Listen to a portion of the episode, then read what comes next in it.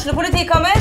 Ine Jansen er purk. Er du purk? The motherfucking bitch. Alt jeg vil, er å finne ut hva som skjedde med mannen min. Jon Carew. Er jeg sikta for noe? Iben Akeli. Det er du. Ole So, Lars Berrum og Big Daddy Karsten. Hvem sin side er du på, egentlig? Anette Hoff, Tone Danielsen, Kommer du fra Afrika? Jørnis Josef, Nesten. Kløfta. Trond Espen Seim, Det er synd å si det, men det var feil mann som døde. Purk. Premiere tirsdag på TV2 Play.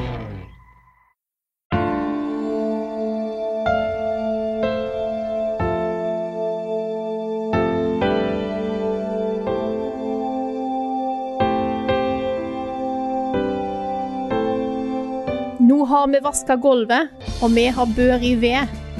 Og vi har diskutert oss fram til vårt Game of the Year. For går det til han God of War eller en Elden Lord? Da får du høre nå på årets Level Up Awards.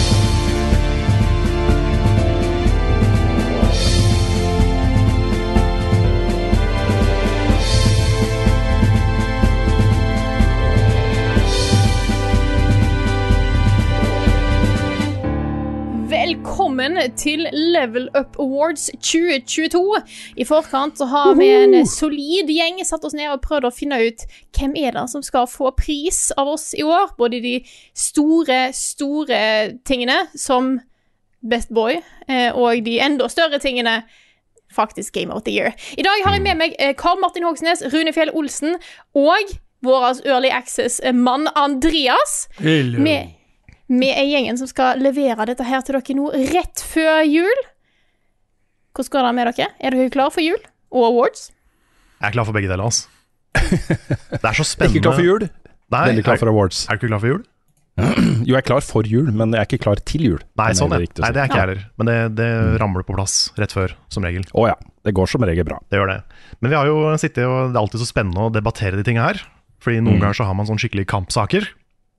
Og vi har jo hatt noen av de i år, men det har ikke vært det var, det var, det var, Jeg føler det var mer dramatisk i fjor. Det var mer dramatisk i fjor, det er helt riktig. Men det er jo da vi var Det var da vi mista, mista Per, for eksempel. ja, Han, ja, Ja, Mm. han døde, han. synd. Det er litt trist. ja. Nei, det var jo oss fire og Stensen som eh, satte seg ned og avgjorde dette her på forhånd. Nick har dessverre blitt sjuk, eh, men jeg sender masse eh, gode, god bedring-ønsker eh, hans vei. Ja, Yes. altså, så, og Nick har vært involvert i dette manuset vi har hatt uh, oppe, da, med Da er nominerte. Så han har fylt inn sine favoritter og kommet med noen ønsker om uh, vinnere i forskjellige kategorier og sånne ting. Kan ikke garantere at vi har hørt på han. han har jo så rare meninger om spill, den gutten. Har noen, har noen hot takes? Ja da, Nei, han har ikke det. Han, uh, men men han har fått innvirkning på listene, han også. Og vinnere og kåringer og sånt. Absolutt. Absolutt. absolutt. Er vi klar? Jeg skal vi bare kjøre på? Skal vi bare begynne? Level Up Award Let's gun 2022, er altså? Da det. Ja. Da har jeg æren av å starte, starte hele kalaset. Eh, Jeg skal nemlig presentere da eh, kategorien Årets hovedrolle. Og de nominerte er Marissa Marcel fra Immortality. Kratos fra God of War Ragnarok. Atreus fra God of War Ragnarok. Og Andreas Mahler fra Pentiment. Og vinneren er Kratos fra God of War Ragnarok. Gratulerer, yeah. Kratos. Gratulerer, Kratos. Nå kommer da uh, Christopher Judge inn for å holde en liten takketale. Ja, sette av et par timer. Bare å koke seg en kaffe nå. Ja. Nei, det var både naturlig å ha, for oss da, når vi diskuterte dette her, å ha både uh, Kratos og Atreus nominert her. Um, og det var også litt sånn Altså, det var en diskusjon her, eh, må vi jo si. Men eh, det var ikke så vanskelig å bli enige om eh, til slutt, da, at Kratos burde få denne her. Nei, det er helt sant. Men det, har vært en, det var en sterk nominasjonsliste i år. Med liksom Marisa Marcel var veldig oppi der. Eh, og Andreas Mahler også er en fantastisk hovedperson. Selv om han formes veldig mye av spilleren, så har han likevel ganske mye personlighet på toppen. Litt sånn som i Disco Elysium. Litt samme greia. Fire sterke nominerte, i hvert fall. Derfor da går vi videre da, til årets birolle, som er nesten like viktig som årets hovedrolle. Hvis ikke like viktig i noen spill. Noen Når du er sånn silent protagonist, så er birollen ganske viktig. Men de nominerte er Ronny the Witch fra Elden Ring. The One fra Immortality, Sindri fra God of War Ragnarok og Mio fra Xenoblade Chronicles 3. Og vinneren er The One fra Immortality. Ja, nå blir det gøy for oss å forklare hvorfor The One vinner dette. her, Ja, for dette er en sånn pris vi ikke kan forklare uten å spoile. Mm. Men vi må bare, bare understreke at dette er, i hvert fall for meg, da, så er dette her den kuleste rollefiguren og den mest sånn får frysninger av rollefiguren i et spill på årevis. Helt enig. Helt enig. Og jeg kan jo legge til eh, den eh, Claim to Fame som jeg sendte til dere på interngruppa vår også. Jeg ble jo retweeta. Da jeg hadde jo Immortality på andreplass på min eh, årets beste spilleliste på NRK. Ble retweeta av Sam, Sam Barlow, liksom. Oi, oi, på norsk til og med. Ja, ja, Han han, hadde hatt sitat, sitat fra anmeldelsen. Mm. Det er fra um, teksten. Så, um, men det er sant, det, det sitatet der, altså. Det er sånn jeg tenker på det hele tiden. For gåsehud, bare å snakke om det, det er på helt på det nivået der. Mm. Så um, ja. Dette er en sånn karakter som du kan Du kunne sikkert hatt en tre timer lang spoilercast om bare denne figuren. Ja. Og det er, så, det er så mye der, og det er så mystisk, og det er så spennende, og du har lyst til å grave mer og finne ut mer, og det er veldig vanskelig å forklare uten å, uten å spoile hele Immortality. Men, eh, men det, dette er grunnen til at man må spille Immortality, Mm. rett og slett. Og så var det jo tre andre sterke kandidater her. Um, alle som har spilt gjennom God of War Ragnarok, uh, tror jeg forstår hvorfor Sindri står der. Mm. Uh, Rani the Witch er jo det, den, kanskje den kuleste rollefiguren i Elden Ring. Med Ja. mest sånn stilig backlaw og sånne ting. Ja, hun og Melina er liksom på toppen av ganske mange lister der. Mm. De er uh, spennende, mystiske characters som man også gjerne vil liksom vite mer om og grave mer i. og, og sånn. Mm. Og så ikke minst da, Mio fra Xenoblade. Ja, Som er- jeg kjemper litt for å ha henne på nominasj- nominasjonslista her. Jeg gjorde jo det. Mm. Men hun, har- hun også har, har en utrolig sånn fin historie. En veldig, veldig god uh, rollefigur. Som du kan nesten argumentere for at hun er hovedrolle også. Ja, det er på en måte to. Mm. Men uh, veldig, veldig fin, fin, fin, fin karakter. Da går vi videre til neste kategori, som er da Best Boy. Dette er en uh, kategori med lange tradisjoner i Level Up Awards. Absolutt.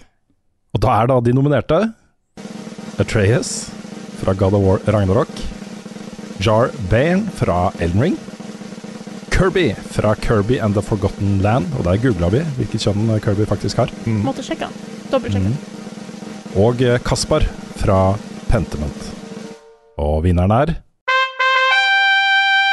Atreas fra God of War Ragnarok. Boy. The one and only Boy. boy.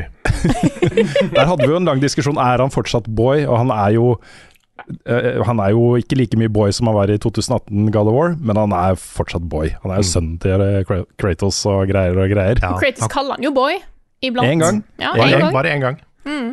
Mm. Men han, er jo, han kommer jo alltid til å være Kratos sin boy, ikke sant? vi får kanskje ikke vite hvor gammel han er.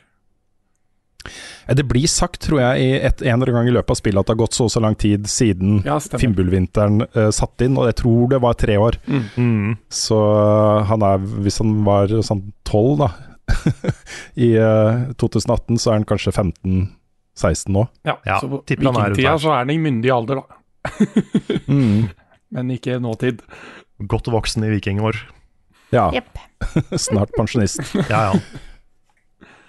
Nei, Ellers så er det jo øh, Jar Bairn, for de som ikke husker det, er jo en egen sånn sidequest i Elden Ring. Som er, det, er ikke alle som får den, som finner den. Nei, den er vanskelig å finne.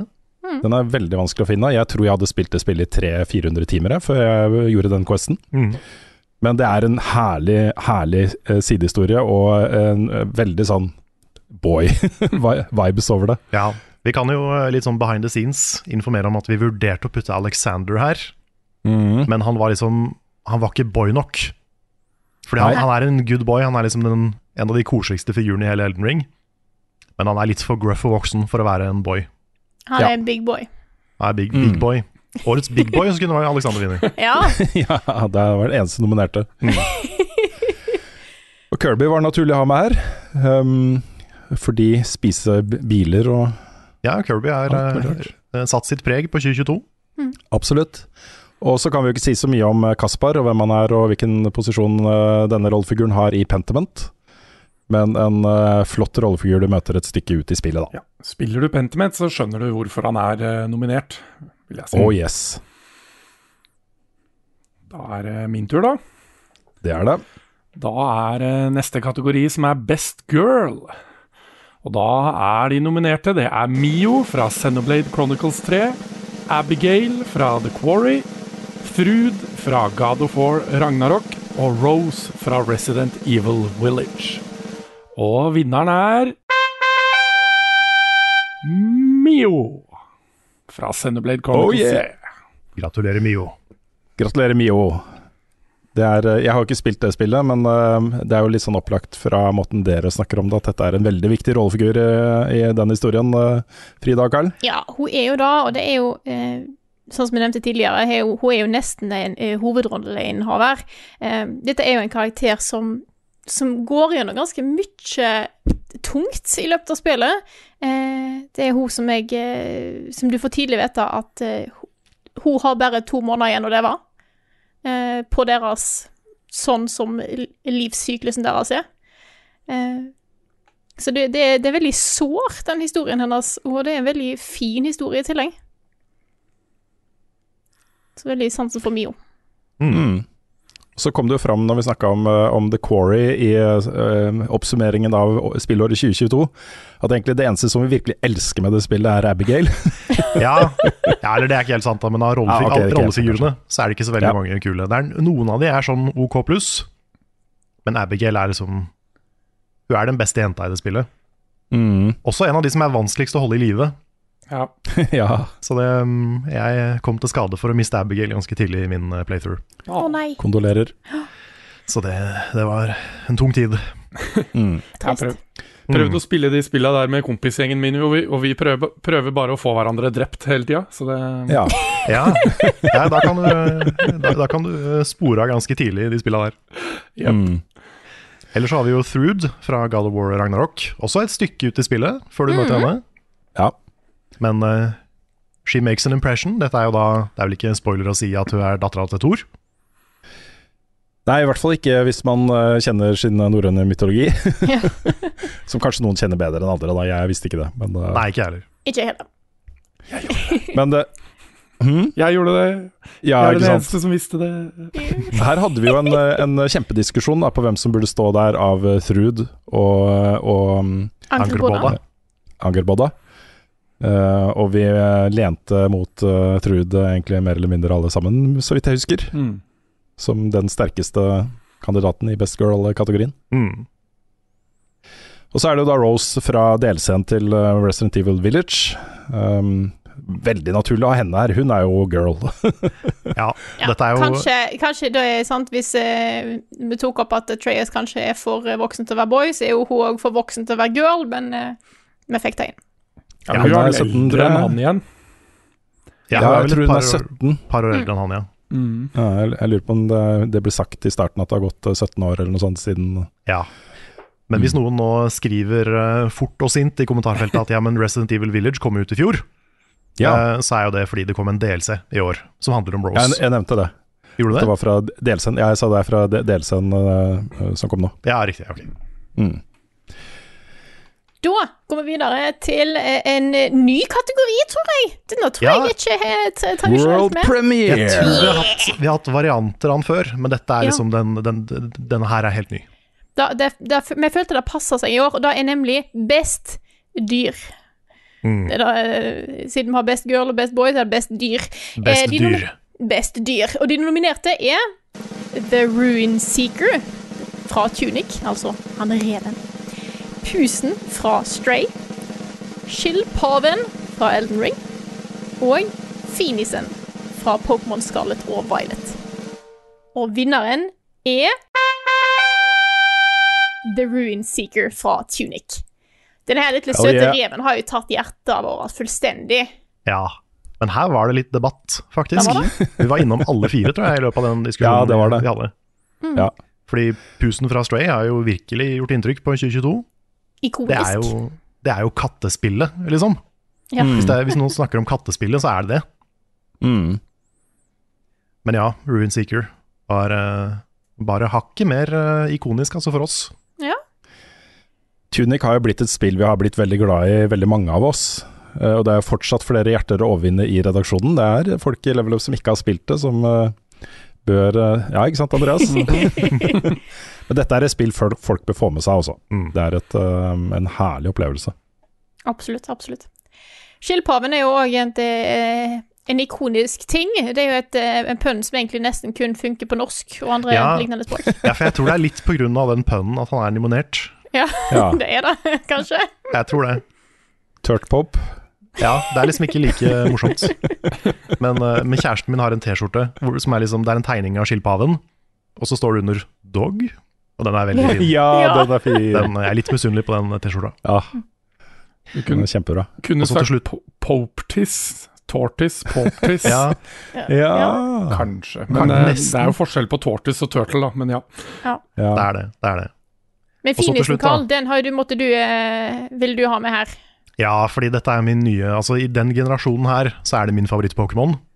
Finnesen, den lille delfinen som du kan finne rundt omkring på, på kartet. Som utvikler seg til en helt lik delfin som kan bli Supermann.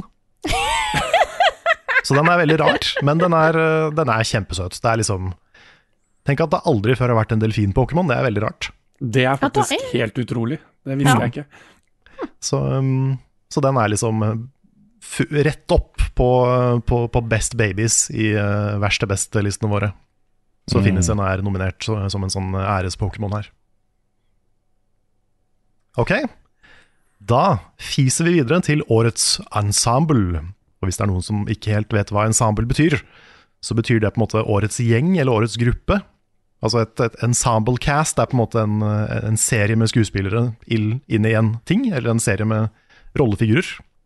Tenk Oceans Eleven, liksom. Ja, litt sånn eh, en, en gjeng som funker bra sammen. Mm. Det er basically ensemble. Og de nominerte er Xenoblade Chronicles 3, Live Live, God of War Ragnarok og Immortality. Og vinneren er God of War Ragnarok igjen. Igjen. Enda en pris til God of War, ass. Men her er det, dette er jo et spill som er veldig fokusert på rollefigurene. Og som man kan ta ut alt som heter action og, og bosskamper og utforsking og sånn. Så sitter man igjen med et litt sånn kammerdrama. Mm. Hvor eh, menneskelige relasjoner og, og utvikling betyr utrolig mye. Og det er en, en så integrert del i opplevelsen at, eh, at eh, sånn selvskreven vinner her, syns jeg, da.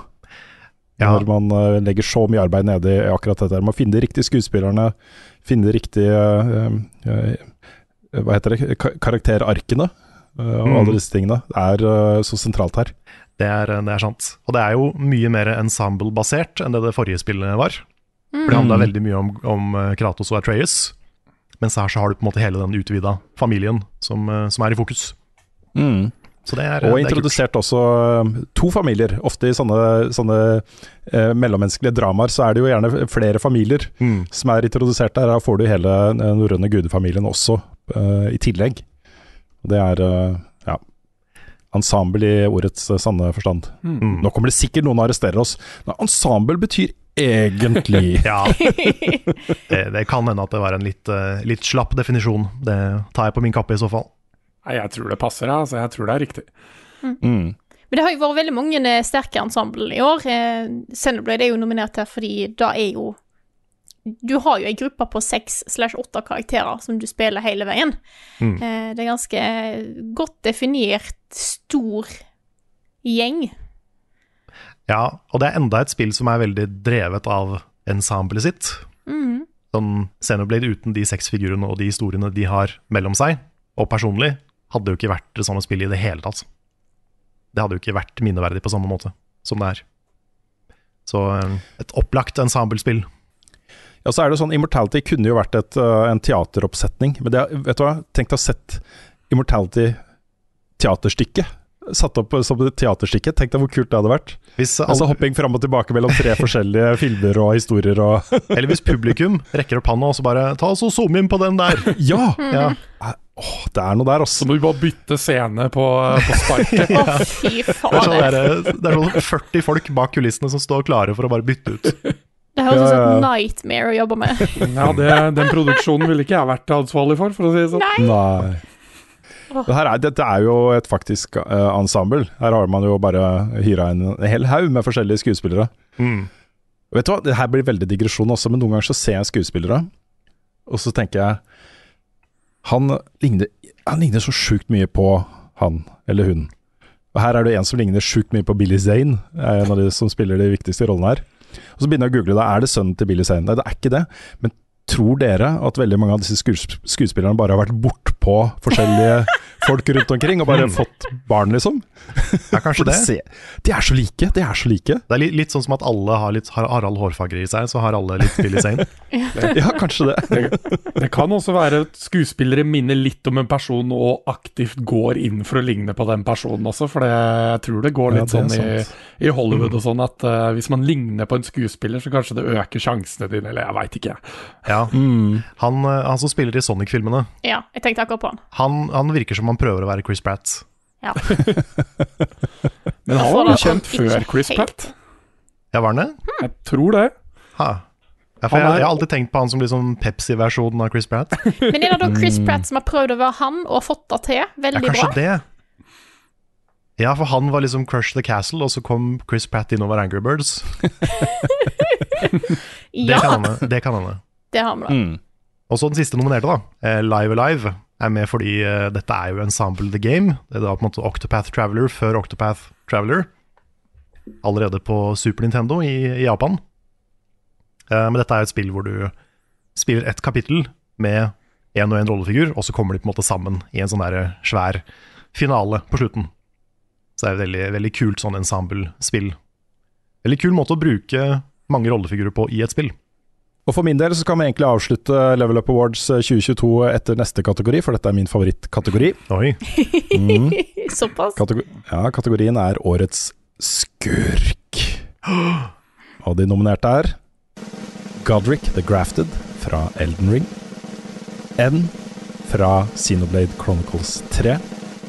Odin fra God of War Ragnarok. Og LeChuck fra Return to Monkey Island. Og vinneren er Odin fra God of War Ragnarok. The. Allfather. Ja, The Yes. Allfather. The Allfather! Det er mye sterke rollefigurer i det spillet der, altså. Mm. Ja, dette er jo en uh, altså her, her kjemper jo Santa Monica eh, Studios også mot oppfatning av hvem Odin er fra andre populærkulturelle greier. Du har jo Odin i, eh, i, eh, i Marvel-filmene. Mm, Anthony Hopkins. Anthony, Anthony Hopkins. Men du har også eh, Odin i, eh, i å, Hva heter den der serien til Neil Gaiman igjen? Sandman. American Gods. Ja, ja, American den, ja, ja, selvfølgelig. Ja. Ja, Det er en veldig Ja. kul tolkning. Ja. Ja, det er en kjempekul tol tolkning. Mm. Og så har du på en måte Og så har du Odin i Final Fantasy, som bare rir ned på hesten sin og dreper alt på ett slag. Ja, ja, ja. Og så har du vel kanskje Odin eh, mer som en eh, sånn derre Litt sånn eh, stille, men livsfarlig uh, skyggefigur fra myt selve mytologien. Mm. så du Mm. kødder ikke med Odin. Uh, og det er på en måte ligger kanskje nærmest det, da, uh, denne tolkningen av Odin. Mm. Men det er samtidig en sånn veldig moderne tolkning. For dette er også et familieoverhode. Mm. En sånn narsissistisk, psykopatisk familieoverhode. Han er også en, en sånn CEO for eh, Asgard og, og gudene og, og alle de der einherjingerne og alt det der, liksom. Går rundt og liksom har overblikk og sette, gi ordre til folk og alle disse tingene. Ja, Du får litt inntrykk av at han har kjøpt Asgard, på en måte. Ja. For eh, 40 millioner eller et eller annet sånt, og så blitt uh, Odin Musk. Ja, for jeg Ja, syns egentlig jeg, kan, jeg husker så godt hvordan det var å se Odin for første gang, for du har på en måte Du hadde sett Thor, du visste at han var en ganske svær kar. Mm. Eh, og i dag Odin og gjør sin entré, så blir jeg sånn Å ja, shit, OK, dette er en kul interpretation av Odin. Du ser det Mm. på en måte på hele måten de har designa han, at eh, jeg forstår hvem han er, og hva han gjør. Mm. Også veldig, veldig bra tolka da av Er det Michael Schiff han heter? Skuespilleren. Tror det stemmer, jeg. I hvert fall Schiff, Mm. for navnet ble plutselig litt usikker på. Dette er jo en, eh, han er jo kjent for å Jeg kjenner han best fra eh, West Wing-TV-serien. Det er der jeg kjenner han best fra, men han har spilt i masse greier. Mm. Han får virkelig brukt eh, de, de tingene han er god på da, i denne rollefiguren her. Jeg, um, dere sa jo at det har ikke vært så mye krangling, men uh, den her hadde jeg krangla ganske hardt på, hvis ikke, hvis ikke vi hadde blitt enige om han. Ja, jeg tror det var vel Den som kom nærmest der, var nok kanskje Godric the Grafted fra Elden Ring. Mm. Mm. Som, Han er så ond. eh, Ja, sånn skikkelig. Veldig. Og så er- han også er et sånt herlig bilde på på en måte en sånn der undertrykkende overmakt. mm. Som uh, du kan si liksom det, det er noen sånne fine symbolske greier der med at han fysisk tar andres kroppsdeler og putter på seg sjøl. Ja. mm. Hvis ikke det er liksom et eh, herlig bilde av en eh, toxic milliardær, så er det Det er vanskelig å finne noe mer treffende enn det. Ja, det er en Kommer, eh, kommer det til å bli et, eh, et gjentagende tema i denne podkasten, Carl? Ja, Det er allerede to ganger, to Ja, jeg, vet, referanser. jeg vet det, på ganske kort tid. Ja. Men det er liksom Det er noe med den derre der oversjefen som bare driter i alt under seg og tar, Mm. som er så veldig sånn Det gir så eh, inntrykk, da. Mm. En står jo på lista her fordi at uh, i, i Blade Chronicles 3 så er det en utrolig fascinerende bad guy. Dette er en karakter som, uh, som jo mer du får vite om uh, motivasjoner og sånt, jo, jo Ja, jeg vet ikke hvor mye jeg skal si det, jeg, eh, egentlig. Nei, det er også vanskelig å si så mye om uten å spoile. Mm. Men, men det er en veldig sånn I kategorien gode Hva skal man si? RPG bad guys, så er en ganske høyt oppe. Jeg starta med spillet i dag, faktisk. Oi! Hey. Mm. Så kommer vel dit en eller annen gang. Jeg har ikke møtt Mio engang, så det Nei, det, Hun er rett rundt hjørnet. ja, det tar, tar et par timer før det tar seg opp, men så, så begynner det. Mm. Og så er jo LeChuck med. Det er litt sånn, fordi selvfølgelig så må han være med. Det har kommet et nytt Monkey Island-spill, så må LeChuck være med på en sånn liste. Han er veldig ikonisk for veldig mange. Veldig. Ja, og så er det det her eh, bakt inn i hele Monkey Island-historien på en veldig kul måte. da. Hvem er egentlig LeChuck, og du har alle disse metalagene og, og sånt på toppen. Mm. Uh, men eh, jeg, jeg er veldig glad i LeChuck også, selv om vi snakka litt om at kanskje han har vært kulere i tidligere Monkey Island-spill. Så, så syns jeg han var veldig kul her også. Ja, ja, absolutt. Da er det videre. Jeg må bare beklage stemmen min. Den er eh, Jeg hører sjøl at den er eh, not so good. Det går seg til. Ja da. Ja da, that time of the year. Yes. Da er det årets art direction. Da har vi Elden Ring, God of War, Ragnarok, Signalis og Pentiment. Og da er vinneren Det er Elden Ring, selvfølgelig. Oh yes. Ja, jeg trodde det skulle bli mer krangling i akkurat denne kategorien. Og så her er det jo to spill som har mer sånn tradisjonelt 'å, dette ser pent ut', og to spill som er mer sånn 'nei, dette er kult og annerledes og, og stilig'. Um, um, og jeg trodde det skulle bli litt mer krangling, men uh, vi var vel ganske enige om at Elden Ring fortjente den. Jeg føler Elden Ring er litt av begge deler. Mm. Mm. Det er så mange minneverdige, ikoniske områder i Elden Mm. Ring.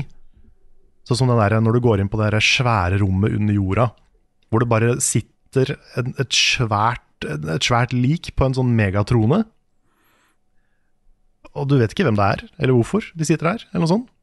Kanskje det er en milliardær som har bare men, eh, men det, er så, det er så mange sånne moments da, i hele Elden Ring, hvor du på en måte Det er så sterke inntrykk Mm. overalt hvor du drar. Det Elden Ring gjør i art direction sin, som kanskje de andre spillene ikke gjør i like stor grad, er at det forteller Det forteller mye mer en historie om hva som har skjedd i det Mm. området.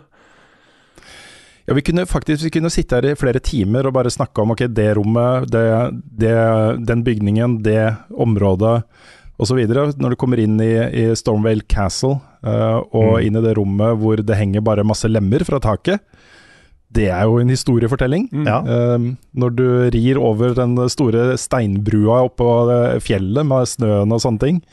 Når du går inn i eh, bossrom Når du kommer over kanten og ser den kjempevistaen bare bre seg ut. Når du kan skimte liksom et hemmelig område som du ikke aner hvordan du kommer deg til, gjennom tåka høyt oppe fra fjellet. Alle de tingene der er så utrolig godt laga altså, og gjennomtenkt. Og det er alltid tilstedeværende Erdtree som bare du kan se som er der, og som er så svært. Og da får du på en måte følelsen av hvor viktig dette her er for hele verden i tillegg. Ja. Ja.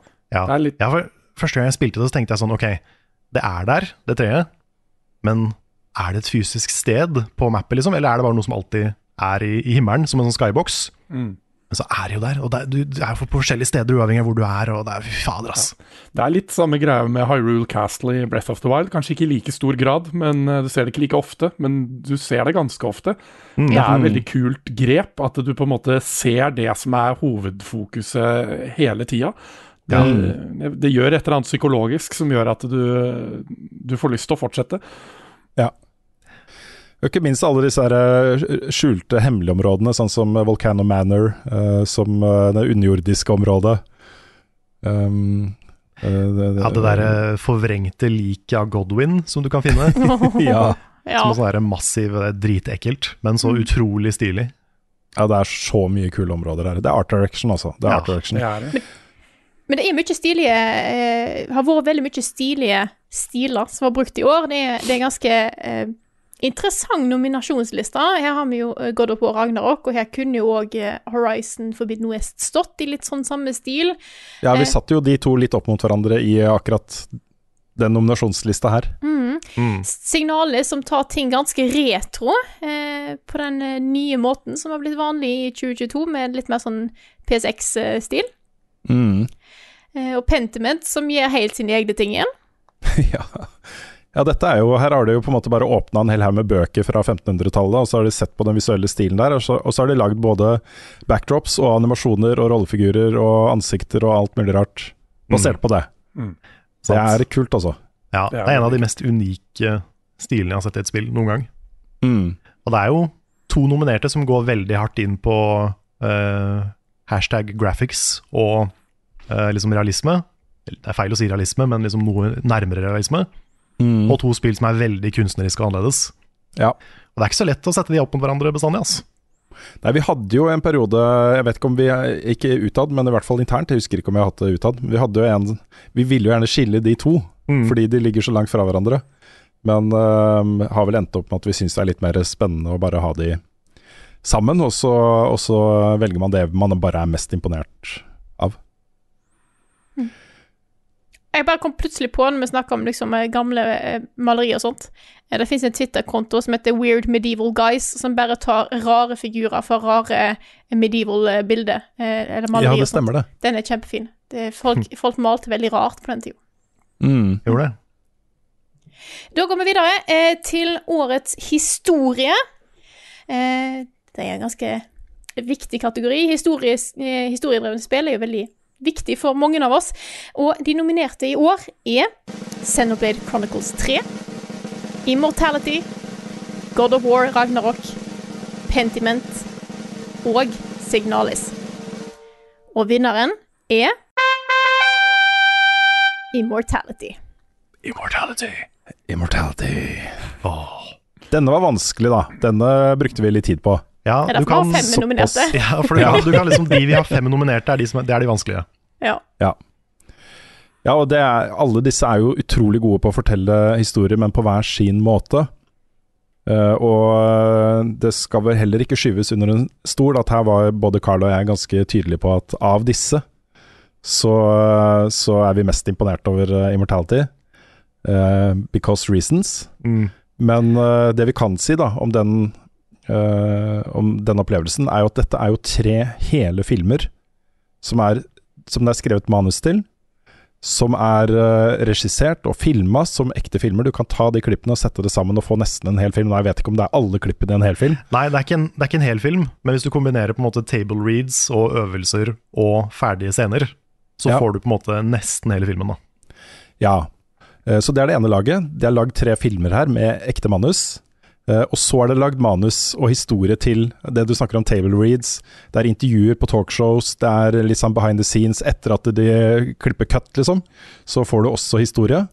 og så er det en historie til Ja. på toppen av det. Eller det det. gjennom dette, eller bak dette, eller hva man skal si. Det er på en måte fem lag med historiefortelling i ett spill. Mm. Og Uten at det blir rotete. Uh, Uten å bli rotete, eller det, det er jo rotete, men det er rotete fordi det skal være det. Ja, ja. Ja. Og så skal du på en måte rydde opp mentalt i det. Mm. Men et veldig godt eksempel på uh, måten Immortality uh, kan fortelle historien på, da, er at du har et, uh, en, en scene fra en film hvor en, en dame, litt sånn i en sånn kirkesetting, sitter og gråter. Og kameraet zoomer inn, og liksom bare den personen her sitter og gråter.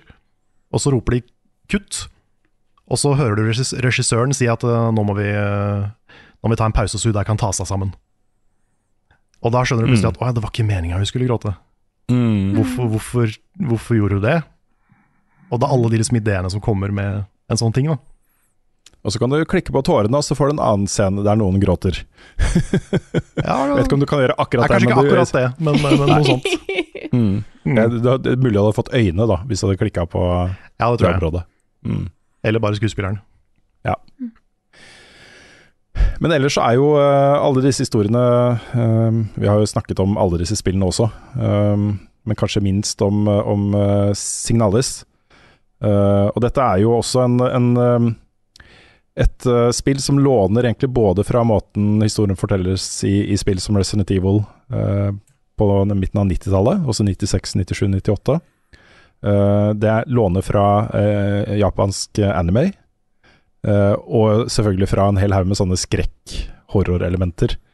Uh, og det er en uh, utrolig spesiell, men veldig sterk og god sånn cyberpunk-skrekkhistorie i det spillet, som er litt abstrakt, og du må tolke litt, og du må finne ut av ting litt på egen hånd, men den er veldig god uh, og gjør ordentlig inntrykk. Jeg må si det er også litt sånn spesielt å opp oppleve at det som på en måte alltid har vært et av mine favorittmalerier, De Toten Insel, Dødens øy. Jeg snakka om det når jeg anmeldte uh, Destiny 2 The Witch Queen, for der brukes det som en inspirasjon til hjemmet til Savatun. Og i dette spillet så er jo dette maleriet et maleri du faktisk kan gå inn i, og være på stranda på denne øya, og se liksom øya bak deg. Så veldig, veldig sentralt i det spillet. Det syns jeg var litt kult. All right. Da går vi videre til enda en kategori som vi har fem nominerte. Da vet du at den var vanskelig. Dette er Årets regi. Og de nominerte er Signalis, regissert av Juri Stern. Vi må bare legge inn at eh, spill er jo team efforts, så det er jo feil å på en måte gi én person credit for et helt spill. Um, så Akkurat i tilfellet Signalis og et par av de andre nominerte, så er det bokstavelig talt én til ja, da, hvis to det er hvis det personer. bokstavelig talt er én person, så er det noe annet. Eh, det, det er sant. det er sant Men uh, i store spill Signalis er to personer. Wow, ok, kult. Eh, men i litt større spill da, så er, det, så er det viktig å huske på at det er mange som har skapt det. Um, men det er da Signalis. Det er Elden Ring, da av Hidetaka Miyazaki og Yui Tanimura. Det er Tunic av Andrew Sholdis, og det er da også én person som har lagd. Ja. Immortality av Sam Barlow og Pentiment av Josh Sawyer. Og vinneren er Elden Ring. Måtte nesten bli det også. Det måtte bli Elden Ring. Det er, det er noe med spilldesignet. At, at de klarer å lage et spill som er Jeg brukte 150 timer på min første gjennomspilling, og det var ikke én kjedelig time. Det har jeg aldri opplevd i noe spill noen gang, i et så langt spill. Jeg var omtrent der også, 160-70 tror jeg var før jeg runda det første gang. Og det var sånn, jeg, hadde, jeg kunne se tilbake på den opplevelsen, og alt var fett. Mm. Absolutt alt var fett. Og det er uh, helt unikt, altså. Det er helt spesielt. Og så fortsatte jeg å spille det i mange hundre timer til, og hadde det fortsatt like gøy. Mm. Og oppdaga nye ting. Mm. Dette er uh, klasse, altså. For det er et så kompromissløst uh, En så kompromissløs tilnærming til, Mm. til det spillet. Mm. De har virkelig tatt med Det kan virke som at de har tatt med alt. De har sikkert masse ting de fortsatt ikke har tatt med, men, eh, men måter spillet er utforma på, de har virkelig ikke holdt tilbake, altså. Bare se for deg den der restraint, restrainten som måtte, måtte til, da, for å ikke få en fyr til å bare stelle seg opp midt på kartet. Og så bare 'Å ja, du har en hest, har du lyst til å løpe gjennom disse ringene og se hvor fort du klarer det?' Altså, sånne ty type open world-ting som alle spill har, Mm. Velger Elden Ring å ikke ha. Det er, liksom, det er så fokusert, og det handler bare om det, det som er naturlig at det handler om. Mm. Jeg tror ikke jeg har spilt et spill som har en så stor grad av utforskingslyst at det er liksom Uansett hvilken retning du går, så er det, så er det fett å gå dit. Du finner et eller annet som er kult. Uh, Mm. du, du, det er veldig sjelden du møter på en dead end hvor det ikke er noe interessant. Mm. Og så lurer jeg litt på, fordi eh, dette er en sånn Vi er veldig, veldig Vi har snakka sjukt mye om, om Miyazaki, Hidetaka Miyazaki, som på en måte det kreative geniet i From Software. Uh, her står jo Yui Tanemura også på uh, regi-credits-oversikten. det er de to da, som har regissert dette sammen. Um, har vi en litt sånn tendens til å fokusere litt for mye på de store stjernene? Um, jeg, jeg tenker at her, her ser vi på en måte From Software løfte opp en ny, en ny stjerne, akkurat sånn som Nintendo gjorde med Zelda-serien. Mm. Og så Først så var jo det bare Det var Miyamoto, det, som lagde Zelda. Og så var det eh, Eiji Anumua, og så da på de nyere spillene um, uh, Hidemaru Fubayashi. Ja. Nei, jeg tror eh, Altså, jeg tror det er, det er kult i spillmediet at vi på en måte har fått noen sånne stjerner. Men, Mm. jeg, men vi har nok en tendens til å gi de litt for mye credit for et helt spill, ja. Sammen med Kojima Mm. og alle de andre. At liksom, De har en særegen stil, og det er lett å kjenne igjen et Kojima-spill. Mm. Men det er jo mange mange, mange, mange mennesker som jobber på et Kojima-spill. Det er, Det jo, er helt sant. det er jo litt måten de markedsfører det på, da. For Mm. det er jo ofte hvis folk gjenkjenner en eh, type spillstil med den personen, så har jo bransjen en tendens til å da sette søkelyset på den personen. Og da blir det jo litt Mm. automatisk til at man tenker at det er den ene personen. Eller Ja. Mm.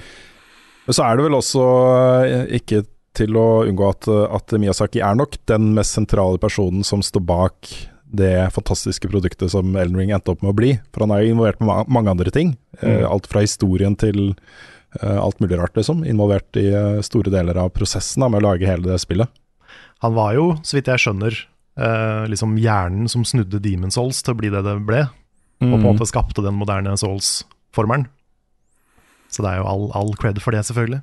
Ja, Gikk jo inn og redda Dark Souls 2 også, ved å introdusere et par DLC-er som eh, jeg vil si er vesentlig bedre enn grunn, grunnspillet. Men jeg vil jo òg nå eh, gi en shout-out til eh, Andrew Scholzis, som har lagd Tunic. Fordi da at da et spill som kunne lagd av én person, er helt insane. Og signalet så var det ganske få.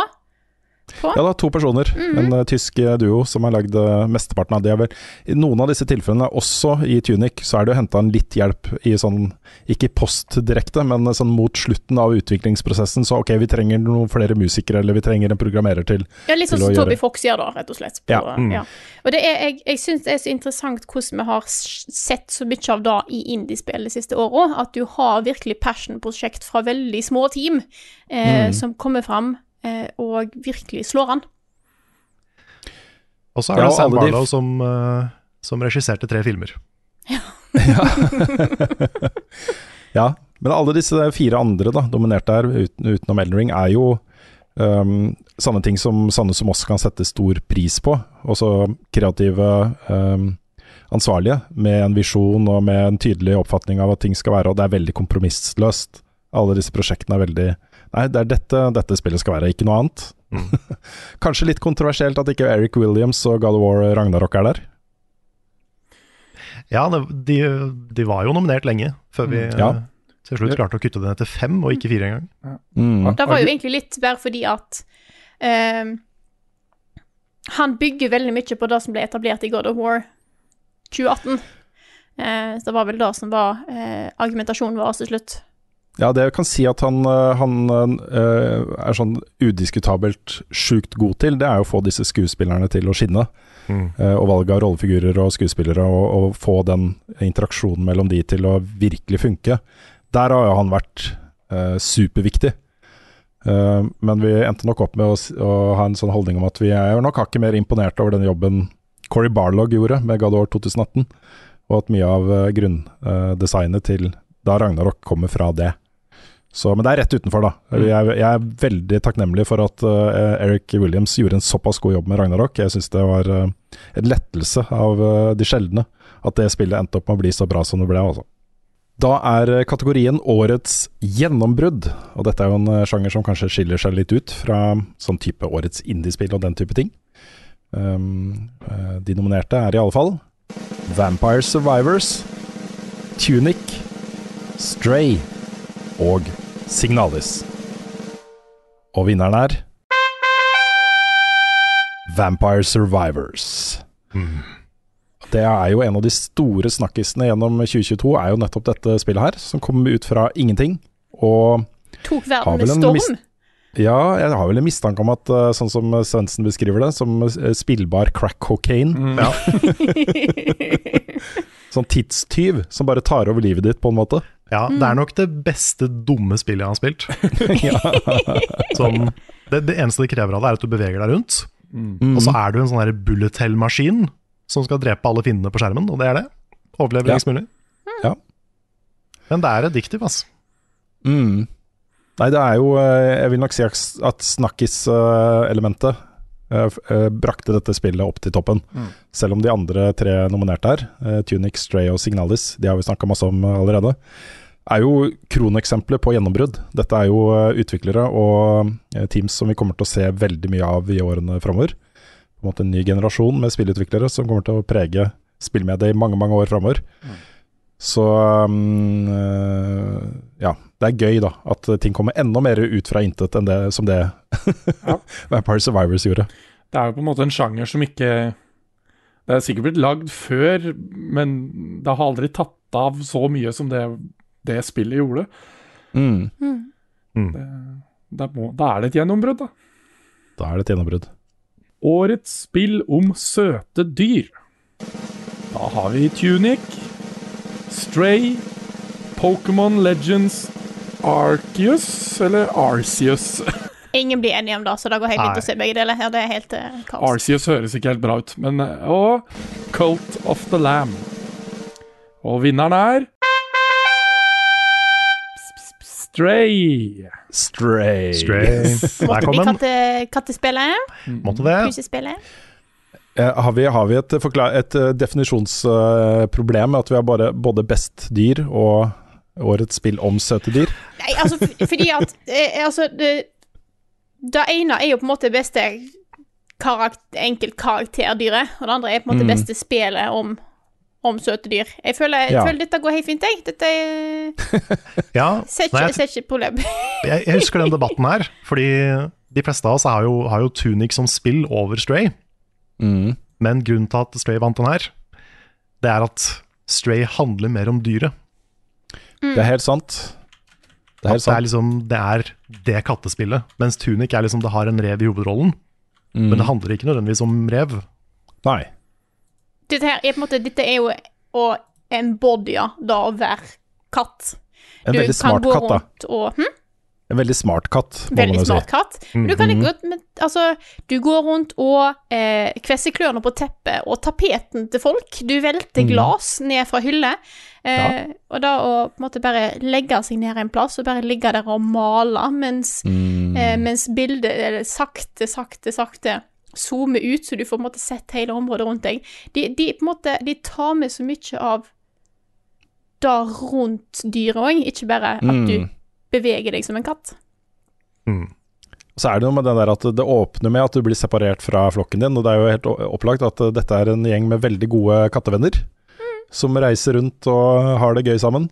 Og så eh, er jo målet, da, å finne tilbake til, eh, til de. Er det nå jeg skal innrømme at jeg bare har spilt det spillet i en times tid? Det er fair, det. Det Ja. gjør ingenting. Jeg vet Du ikke, blir det, det hooka meg ikke sånn veldig, altså. Nei. Det kan godt hende det blir bedre etter den timen, da. Det er jo litt dårlig gjort å gi opp etter en time, sånn egentlig, men eh, Det er jo et mysterium her, vet du, Andreas, som eh, blir eh, mer åpenbart etter hvert. Mm. Eh, Du får også områder som er mer avanserte og større, eh, og hvor puslene og tingene du skal gjøre er litt mer avansert. mm, Eh, og så har det en veldig god slutt. Mm. det hjelper på. Ja, for jeg hadde Mm. gjort sånn som deg. Jeg spilte det i en times tid, og så hadde jeg ikke tid den dagen. Og så tok det meg to måneder før jeg tok det opp igjen. Ja. Og spilte igjen med resten. Og fikk et veldig positivt inntrykk av det etterpå. Mm. Det er jo faktisk um, Nå hadde vi den diskusjonen her på fredag. Mm. Allerede siden da har jeg oppdaga enda et spill som kanskje burde vært nominert her. Det vil si ikke bare kanskje, men burde vært nominert her. Okay. Ja, det stemmer det. Det var Ja, det det du det sendte melding om. Det er Lill Gero Game, Ja. som også i aller høyeste grad er et eh, spill om søte dyr. Og overraskende bra. Så det, om ikke, om ikke vinner, så burde, det, burde faktisk det vært nominert. Da sier vi at det er nominert. Ja. Da er det fem nominerte i denne Fem kategorien. nominerte. Lill Gator Game.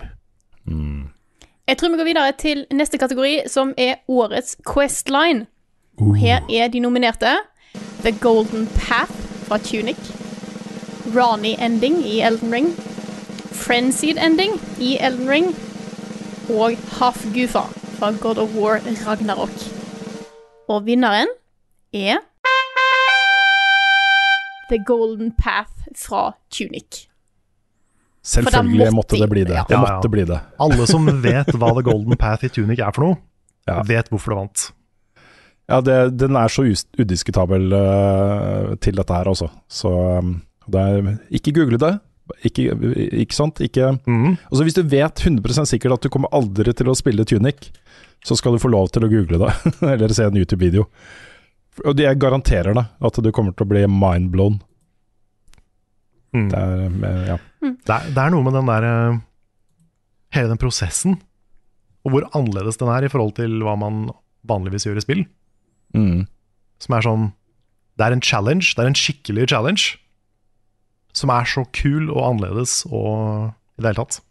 Mm. Og så er det stilig, for det er noe du hører om ganske tidlig, egentlig. Relativt tidlig. Eh, jeg, har fått, jeg har fått spørsmål fra noen som er på en måte redd for eh, Er det noe jeg kan gjøre for å misse han? Er det noe jeg må gjøre for å få det til? Jeg tror ikke det går an å misse han. Måte, jeg tror ikke du kan låse deg ut av han. så ikke vær redd for det. Bare Nei, spill du kan- Tunic.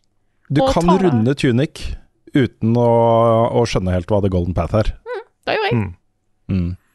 Så ikke, ikke stress på det. Bare spill Tunic, og, og opplev The Golden Path når, det, når tida er der. Mm. Og ellers så vi, vi klarte ikke å bli enige om én av, eh, en av eh, Questline-delene av Elden Ring, så det ble de to vi hadde mest eh, varme følelser om.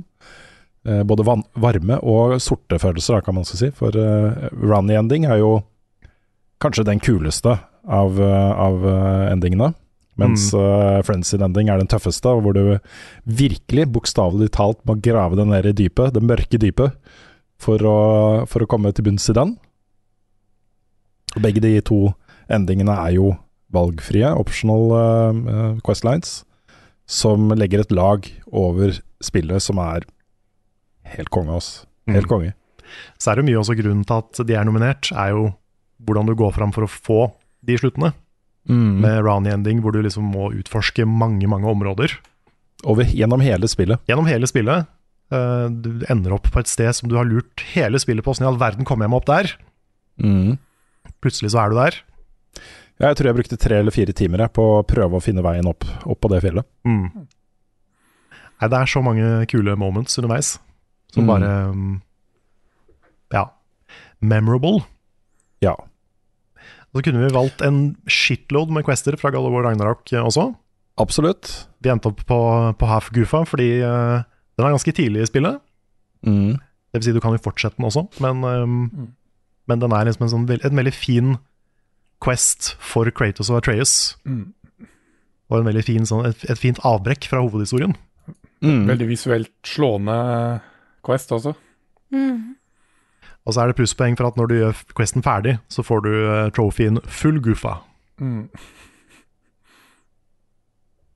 Da er det tid for årets comeback. Her har vi brukt litt tid på å definere hva et comeback er for noe også. For det Det er mye, var kanskje den der Kim Kardashian-videoen, var det er fra Ja, det var Parks and. Rec. Ja. Nei, et, et comeback er da enten et spill som har vært borte lenge, kommet tilbake, eller eventuelt et, eh, en spillserie som har vært ganske dårlig å, å komme seg igjen. For eksempel kan defineres på mange måter. Men de nominerte er uansett Return to Monkey Island, Live Alive, The Stanley Parable Ultra Deluxe og Sonic Frontiers. Og vinneren er Return to Monkey Island.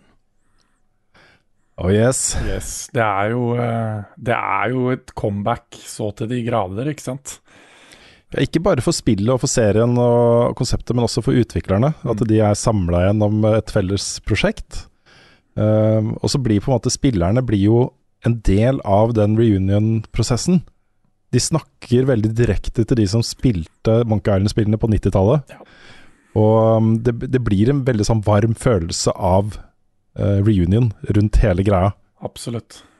Masse metalag og Masse og metalag. Eh, Mm. Det er definitivt et spill lagd for fansen. Å ja, å ja. Ja, jeg vet ikke, Skal vi snakke noe særlig om det andre, eller skal vi gå videre? Nei, altså, vi kan jo nevne det at Live Live var jo, som nevnt tidligere i podkasten, et uh, Super Nintendo-spill som aldri kom ut i resten av verden, men uh, som nå har kommet ut for første gang, så det er jo et, et kult comeback så mange år etterpå. Stanley Parable er jo low-key en oppfølger til eh, Stanley Parable, som tar deg litt på senga når du starter opp. Og så er jo Sonic Frontiers et markant bedre spill enn det Forces var. Jepp. Sonic har hatt ganske mange comebacks opp gjennom tida. Har det. Ja. Annethvert spill er et comeback, på en måte. Ja. Da har vi kommet til kategorien Årets soundtrack. Eh, og de nominerte er Cineblade Chronicles 3, God of War Ragnarok, Metal Hellsinger og Elden Ring. Og vinneren er Xenoblade Chronicles 3. Den har kjemper jeg litt for. Det gjorde jeg. Fordi at jeg syns at Xenoblade Det er veldig mange gode soundtrack ute og går i den nominerte lista her. Eh, 100 Men eh, jeg syns det er så stilig hvordan Xenoblade integrerer soundtracket som en så viktig del av hele historien. Dette er jo et eh, spill der eh, du har disse som spiller fløyta, og har et par temaer som måtte går igjen, og disse blir trukket fram på ulike deler av historien på så utrolig fin måte. Dette er jo spill som er kjent for å ha mye stilige soundtrack, og er, dette er ikke et unntak. Mm. Det er sant. Ja, det er noe med den derre Det er noen spill som gir deg veldig tydelige character themes, og veldig tydelige sånne At historien fortelles med musikk også. Og det gjør Xenoblade veldig bra. Så Ja. jeg er helt, helt med på den som vinner her, altså. Jeg har jo bare spilt det en halvannen time eller noe sånt, men eh, musikken eh, har allerede gjort inntrykk, for å si det sånn. Det er eh, kul musikk. Bra musikk. Mm. Syns jeg det er gøy på at vi her på nominasjonslista har et eh, spill som er bare basert rundt metal-musikk. Ja. Da er det ikke så ofte. Altså, det er jo Metal Hellsinger er soundtracket. Og her er det jo laget et utrolig fett eh, metal-soundtrack for dette spillet. Mm. Som er bygd rundt eh, at det skal um, Altså det er jo sånn at Jo bedre du gjør det, jo flere instrumenter og sånn kommer inn. Og til slutt, da når du har 16 X multiplier, så kommer vokalen inn. Og da blir det, og Hvis du klarer å holde den der, så sitter du og spiller en metal-låt. Ja. Uh, og mange forskjellige metal-låter, med vokal fra mange veldig kjente metal-vokalister også, i, på toppen av det. Mm. Så det er nesten sånn at eh, Når jeg snakker om det nå, det burde jo ha vunnet. Ja, litt. litt. det det opphøyner musikken. Det, det er det som er kult med det spillet der. Altså, hvis du har hørt Hvis du hører den sangen utenfor spillet, men så spiller den, så blir sangen fetere fordi at du er med på å kjøre i gang vokalen og, og de ekstra instrumentene og sånn. da. Så du får litt sånn ekstra rush når du hører sangen. Mm. Og Ellers er også God of War Ragnarok-soundtracket veldig bra. Jeg vil nok si at de beste elementene fra det soundtracket er jo sånn som man vanligvis gjør, da, også i Zelda-spill og i alle andre serier. Man låner fra temaene fra tidligere. Mm. Og der er det jo fortsatt Bear McCreary som står for, eh, for soundtracket her. Og, og du kjenner jo igjen både, både uh, main-teamet, altså Kratos-teamet, blir jo brukt mange ganger igjen her i nye, nye settinger. Men også, uh, også den eh, eh, Kona til Kratos-theme-låta blir også brukt i mange sammenhenger. Mm. Hva er den het igjen? Ja, jeg vet ikke hva sangen heter, men Faye. Faye, ja. Ja. Faye-theme, eller Mm. eh, hva det kalles i, i soundtracket. Ja, Med Eivør på vokal. Mm? Eivør heter hun som har den vokalen oh, ja. som synger. Jeg har vært på Ja, er konsert med hun. Hun er, eh, hun er flink, altså. Mm. Ah. Så, så det var kanskje grunnen til at det ikke kom helt, eh, helt i mål der. Og det samme også med Elden Ring er jo mer et eget soundtrack laget for det spillet. Jeg kan nok tenkes at det var et par stykker som hadde det som sin favoritt i 2022. men, eh, men jeg stoler på dere. Jeg stoler på dere at, at det var en verdig vinner her. Det var i aller høyeste grad en verdig vinner. Mhm. Mm. Men tøff konkurranse. Absolutt. Det var eh, veldig tøft i neste kategori også, Andreas. Ja, neste kategori som er årets låt. Da har vi Go Go Steel Titan fra Live Alive. Moonlight Serenade fra Bayonetta 3. Blood Upon the Snow fra God of War Ragnarok. Candy Cess fra Immortality og The Final Battle fra Elden Ring. Og da er vinneren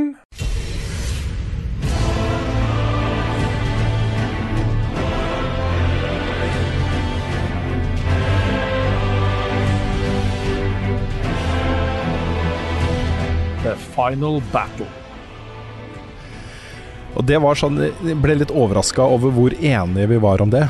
For her, her er det også mange sterke kandidater. Og vanligvis når vi skal debattere årets låt, så må vi gjennom et par-tre uker med argumentasjon, og folk som har sine favoritter, får lov til å presentere sin favoritt og argumentere for hvorfor akkurat den bør vinne. Mhm. Men da var vi plutselig bare enige. Jeg skjønner ikke helt hva som skjedde der. Nei, det var jo det var jo litt debatt. Jeg gikk inn i, inn i den kategorien her med veldig sånn sterk, sterke følelser om Blood Upon the Snow fra God of War Ragnarok. Men uh, altså Det fins jo ikke et univers hvor ikke The Final Battle fra Elden Ring er ekstremt hype. Så det er vanskelig å argumentere for at ikke den skal vinne. Ja, det er litt eh, spoiler, men det er jo egentlig to låter da som er, eh, som er én samla låt. Um, og det er både den introduksjonen hvor, eh, hvor Oi, her har de remiksa og brukt main theme fra Elden Ring på en ny måte. Og så har de gjort det igjen på en, en litt sånn sakral eh, siste halvdelen. Og det er særlig den overgangen til det sakrale på slutten her som jeg hver gang også, hver gang jeg hører den, blir jeg bare så målløs. Det er gåse, Den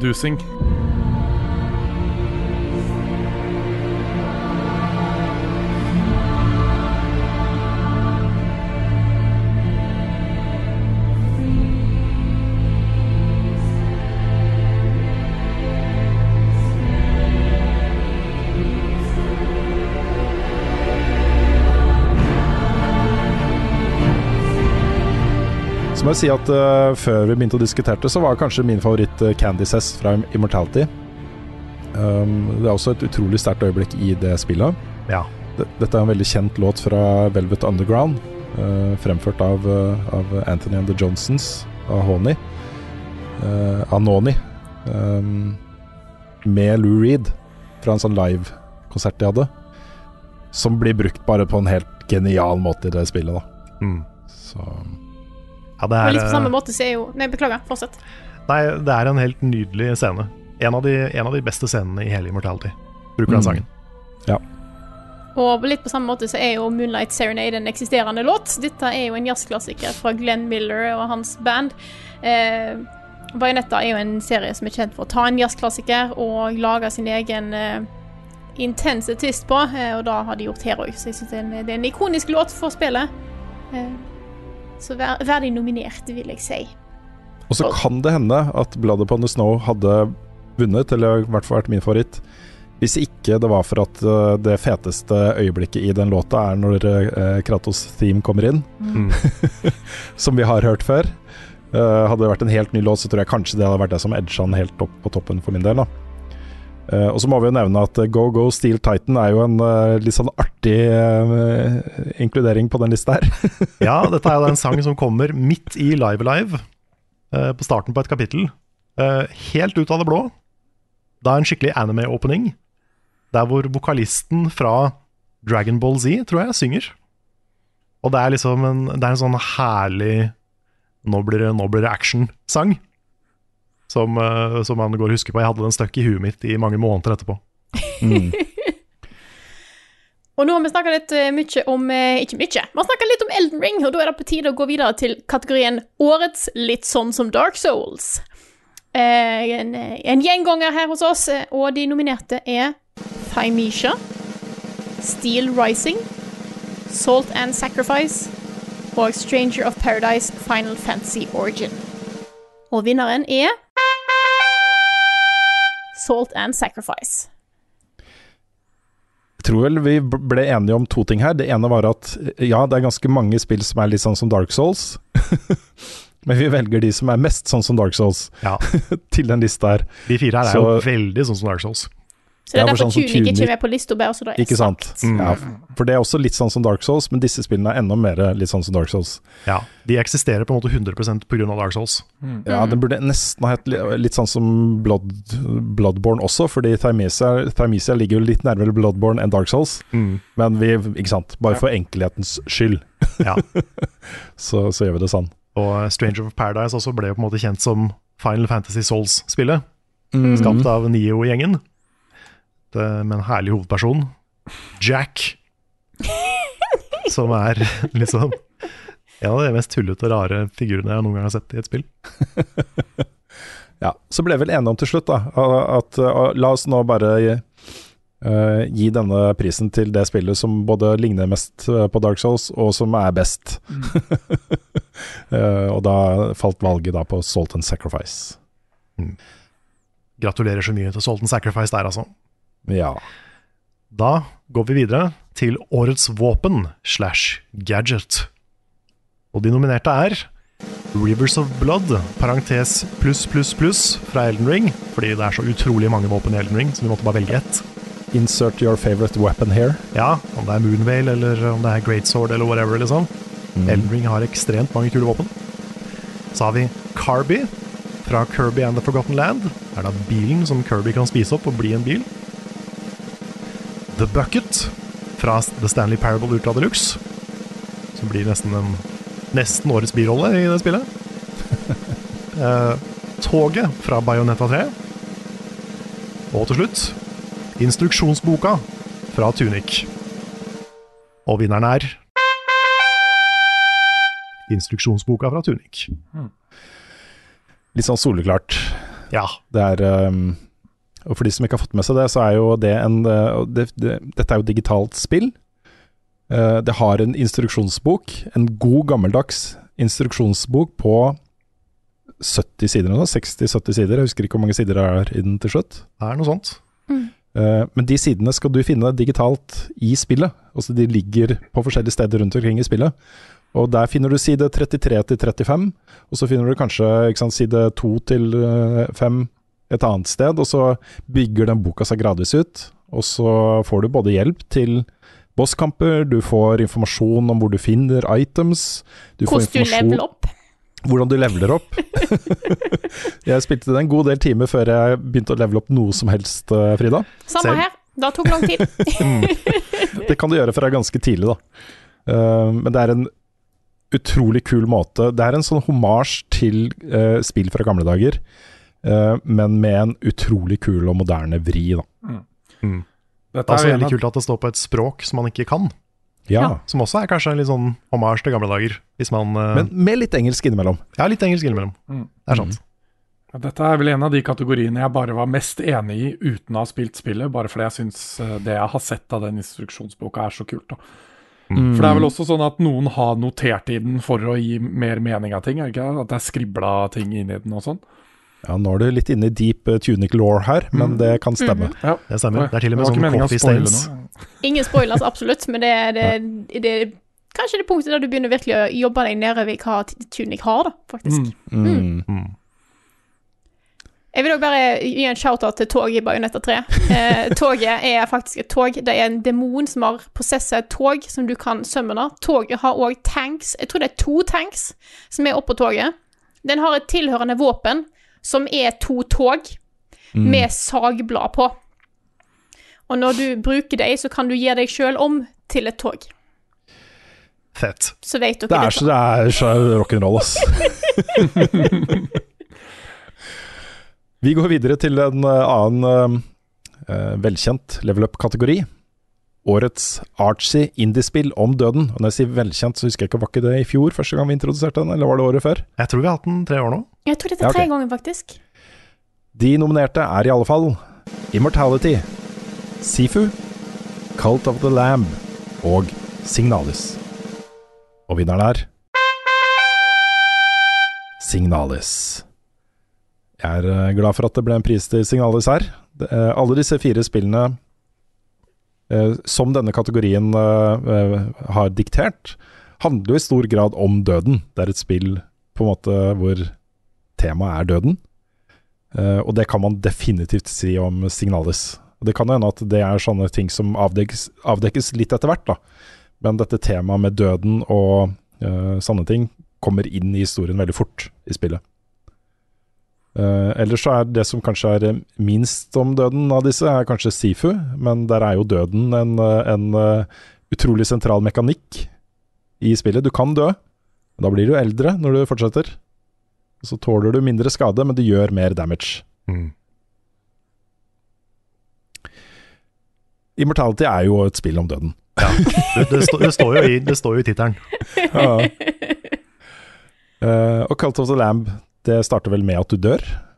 Ja, det stemmer. Du, det sånn? du, du blir ofra, eh, basically, og så um, kommer du tilbake, tilbake til live og starter en death cult. Så er det litt, litt døden der òg. Mm. Og så får du æren av å ta en av de kuldeste kategoriene vi har, Andreas. Ja, se her, ja. Da er det årets bossfight, da. Og da er de nominerte. Det er Rykard, Lord of Blasphemy, Godric the Grafted, Starscourge, Radan, Malenia, Blade of Mikella og Det er Vinneren her, det er alle sammen. Det er Elden Ring, det. Det er Elden Ring, er er vinneren. Elden Ring vant. Det er ikke første gang vi har gjort dette. Nei, det er ikke det. Det er noen, noen ganger så bare er det et spill som har de beste bossene. Mm. Dette er jo mye av grunnen til at vi eh, Også ikke, eh, ikke mye av grunnen, men det er i hvert fall en viktig grunn til at vi er så glad i disse spillene, er jo disse fantastiske bosskampene. Og hvordan de er bygd opp, og hva, hva du må gjøre for å få det til, og tilfredsstillelsen av å få det til, og gleden av å overvinne disse folkene du står fast mot i kanskje opptil flere timer. Eh, og her er det også et sånt kobbel av utrolig godt designa bosskamper i dette spillet her også. Og så var det litt fordi vi hadde hver våre favoritter, fant vi ut. Ja, vi er, klarer ikke å bli helt enige om hvilken Jeg mener den mest ikoniske uh, bosskampen i dette spillet er, er uh, Radan. Uh, sånn når, vi, når jeg ser tilbake på hvor spektakulær den er, og hvor, uh, hvor eh, utrolig fett det er å bare være i den fighten, så er det den jeg husker best. da Mens den Ja. jeg kanskje liker best, er, eh, er Godric, kanskje. Ja, for jeg tror jeg har Rycard på toppen. Ja, samme ja, fordi den er så sjukt fuckings eh, spektakulær. Mm. Mm. Selv om den er litt gimmickete, så er den så, den er så utrolig stilig. Og den der plot-twisten midt i fighten og stemmeskuespillet og alt er liksom bare sånn ho-ho-ho. Det er nok den beste gimmick-fighten i Souls av, av alle de spillene, syns jeg. Mm. Um, Og jeg må trekke fram Melania, fordi jeg syns da er Da er den jeg sitter igjen og huske best. Det er mest fordi at det var den som var vanskeligst, men òg fordi den fargebruken som Ja, er det i er det er en så ekstremt elegant fight, selv om han er så brutal. Mm. Eh, jeg syns det er en så utrolig god kombinasjon av ting. Og her er det jo du, du, For å komme dit så må du først finne et hemmelig område, og fra det hemmelige området så må du finne et annet hemmelig område, og så må du gjennom hele den. Og Det er et utrolig kult område i seg selv, med bosskamper og items og alt mulig rart. Og så kommer du innerst i den dypeste gangen lengst inn i det området, og der er Melania. Og det er en, eh, den oppbygginga Jeg føler liksom at hele det området er lagd for den bosskampen. Den er, leder deg inn i den bosskampen, og det er et utrolig kult grep, altså. Og fullstendig optional, da, med mindre du er sånn trophy hunter. Du får en trophy av å ta, ta henne. Og så er det kult at det er faktisk designa etter et uh, Magic the Gathering-kort. Mm, Er Den der, eh, den, hele denne blomsten da, som hun, eh, som hun blir i en periode. mm. En ganske lang periode for de fleste. Eh, yes. Vi går videre til neste kategori. Dette er årets remake slash remaster. Og de nominerte er Live Alive, The Last of Us Part 1, Crisis Core Reunion Final Fantasy 7 og The Stanley Parable Ultra Deluxe. Og vinneren er The Stanley Parable Ultra Deluxe. Woo! Her var jo diskusjonen, fordi eh, det beste spillet av disse vil jeg nok for min del si er The Last of Us Part 1. Og det var en nydelig remake slash remaster. Mm.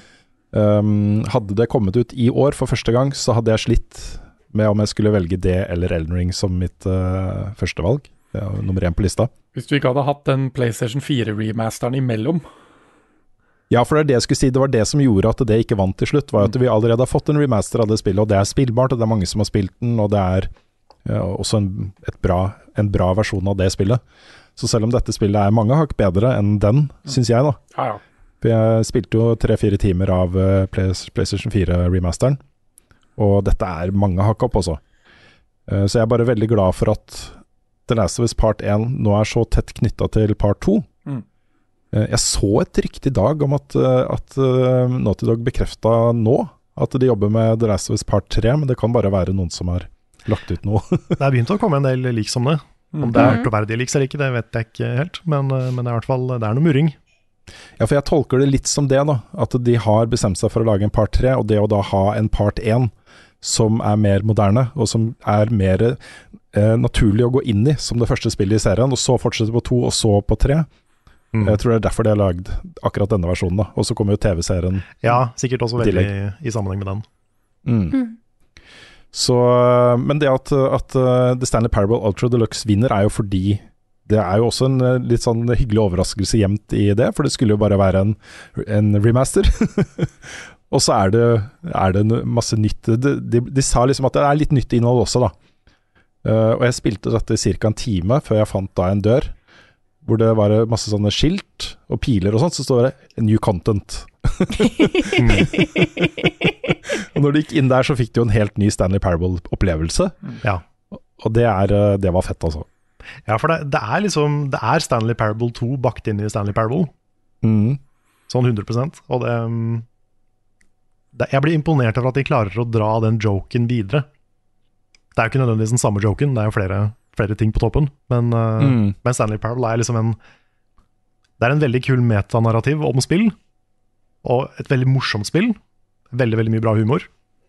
Men hvis du bare legger til flere endings, så blir det på en måte bare et større spill, ikke nødvendigvis så mye bedre. Mm. Men de har gjort litt nye ting, da. De har, de har, på en måte lagt inn litt nye twister for å gjøre det, gjøre det fresht igjen. Mm. Så det er all kudos til Ultra Deluxe, altså. Jeg skjønner litt mer nå hvorfor dette spillet ble utsatt uh, såpass mange ganger som det ble. ja. Det ble jo brukt som uh, stor humor i markedsføringen av dette spillet også. Det er sant. Så, ja. Dette er også et bra tidspunkt å plugge klassikervideoen til Leander på kanalen vår. Oh, snakker yes. om Stanley Parable og Ultra Deluxe-versjon. Mm. Så check a look. Vi går videre til årets skuffelse. Her er de nominerte. Saints Row, Chocobo GP, frameraten til Pokémon og Babylons Fall. Og vinneren er det ene spillet som ikke fins lenger, Babylons Fall. Dette var nesten ja. ikke diskusjonen på. Nei. Nei, vi landa der ganske fort. Og Mye av grunnen til at vi gjorde det, var jo fordi da dette ble vist fram første gang, så var det ikke måte på hvor, hvor hypa vi var. Det fløy penner. Og dette her spillet her kommer jo til å bli bra. Det er Platinum Games, og de skal lage et, et, et spill litt sånn som Dark Souls. um, og så begynte det å komme litt flere detaljer som viser at ah, kanskje ikke akkurat litt sånn som Dark Souls, men uh, det blir nok bra likevel. Og så var det jo ikke det, da. Jeg skjønner ikke hvordan Platinum Games har klart å lage et så dårlig spill. Det har vært mye problem underveis, tror jeg. Eh, og jeg tror det er Jeg syns jeg så noe på det, men nå husker jeg ingenting av det jeg leser. Det var ikke helt eh, Altså, de, de, har gjort en del grep her som ikke er nødvendigvis i retning det som Platinum er god på, tror jeg. Mm. Mm. Var det ikke et push for å gjøre det til litt sånn uh, Games as a Service-spill, med mye lootboxer og mye ting og tang? Mm. Det er ikke tvil om at noe har gått gærent, i hvert fall. Thank you, Square Enix. mm. Sikkert han er Han er trollet inne i Square Enix som har stått for alle de der kjipe beslutningene. Mm. Mm. Kan, kan, jo si det at når vi, når vi diskuterte det, så huska ikke jeg hva Bab Babylons Fall var for noe. Uh, så jeg googla det og fant ut at jeg har spilt det, men jeg har glemt det. da var det liksom ikke så mye å lure på lenger. Nei. Nei. Uh, hva kommer egentlig nå? Jeg har ikke peiling. Hva kommer nå? Før vi går videre til de to siste og største kategoriene, så tar vi en liten pause og ser tilbake igjen på andre ting i 2022 som eh, vi er veldig opptatt av, og det er selvfølgelig TV-serier. Vi snakker litt om TV-serier også, Ja. vi gjør det. Gjør det? Det er deilig at, uh, at det har blitt en sånn fritidsbeskjeftigelse som uh, gir så mye uh, glede. Det, er, det er- kommer så mye bra TV-serier. Mm. Så vi har laga litt topplister og sånne ting, har vi ikke det? Det har vi. Hvem skal begynne, er spørsmålet. Ja. Jeg kan godt begynne. Rune, sett i gang. Vær så god. Ja, fordi jeg vil først bare si at det er noen serier som jeg tror jeg liker veldig godt, som jeg ikke har fått sett alt av. De fleste av disse har jeg bare sett to episoder av. Det er litt vanlig at jeg ser to episoder, og så, ikke sant. Uh, og det er House of the uh, Nei, det er ikke House of Dragon, den har jeg sett alt av. Rings of Power, uh, 1899, Sandman og Atlanta. Atlanta har jeg faktisk fått to sesonger i 2022! Det er ikke To hele sesonger, jeg har ikke sett noen av dem. Så eh, sesong fire er jo ikke tilgjengelig noe sted eh, uten VPN og sånt i Norge ennå, som så vidt jeg har fått med. Så, så det er bare å ha det i bakhodet. Og så er det honorable mentions til tre serier. Det er um, The Rehearsal. Love, Death and Robots. Jeg er så glad i den serien, ass. Til Sesong tre av den er amazing. uh, og The Boys. Det er honorable mentions. Eh, pluss da House of the Dragon, selvfølgelig. Mm. Og så da på femteplass har jeg Severance, som er helt konge sci-fi-serie på Apple TV pluss. På øhm, fjerdeplass en serie som jeg så alt som har kommet ut av. Tre hele sesonger i 2022, men sesong tre kom ut i år. Det er For All Mankind, sci-fi-serie, som Den er amazing. Den er amazing. Det er alt jeg vil ha en sci-fi-serie. Mm. På tredjeplass har jeg det beste jeg har sett av Star Wars på sjukt lenge. eh, Andor. Det er en kongeserie, altså. Den er kongeserie. Og så spennende. Og jeg gikk rett ut og så Rogue One etterpå. Og det var sånn Å, hun er med der, altså. Ikke sant? Så begynte jeg å få litt spoilere på hvem som overlever og ikke, og sånne ting. da Men uh, det var dritstilig å se den filmen etter å ha sett eh, TV-serien. På andreplass har jeg en serie som Nick anbefalte for noen uker siden. Som jeg nå har sett alt av, og som jeg ble fullstendig knust av. Utrolig bra serie som heter The Bear Mm. um, som handler om um, en uh, Broren til en, uh, en uh, kjent kokk dør, og overlater da familierestauranten til broren. Mm.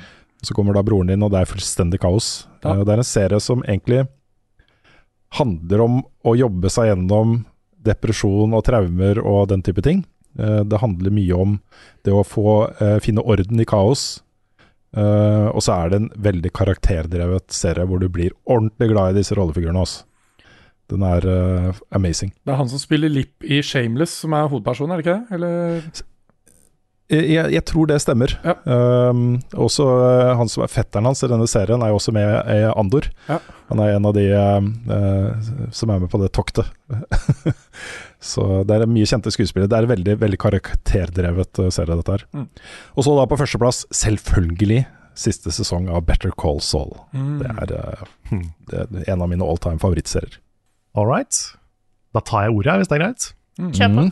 Da tar jeg mine topp fem. Det vil si først, siden Rune hadde honorable mention, så har jeg et par, jeg òg.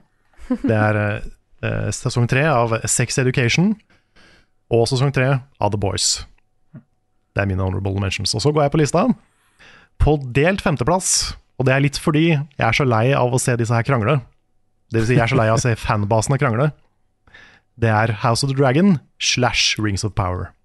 Ok, så det var begrunnelsen din. Ja. Den er ikke god nok, Carl. Da Jo, kunne det jeg er, den, delt femteplass den, er, den er faktisk god nok. Fordi det er så, det, det er så, jeg, er så jeg er så lei at man skal Ja, sette det opp, jeg- fordi jeg er kjempebra på forskjellige måter.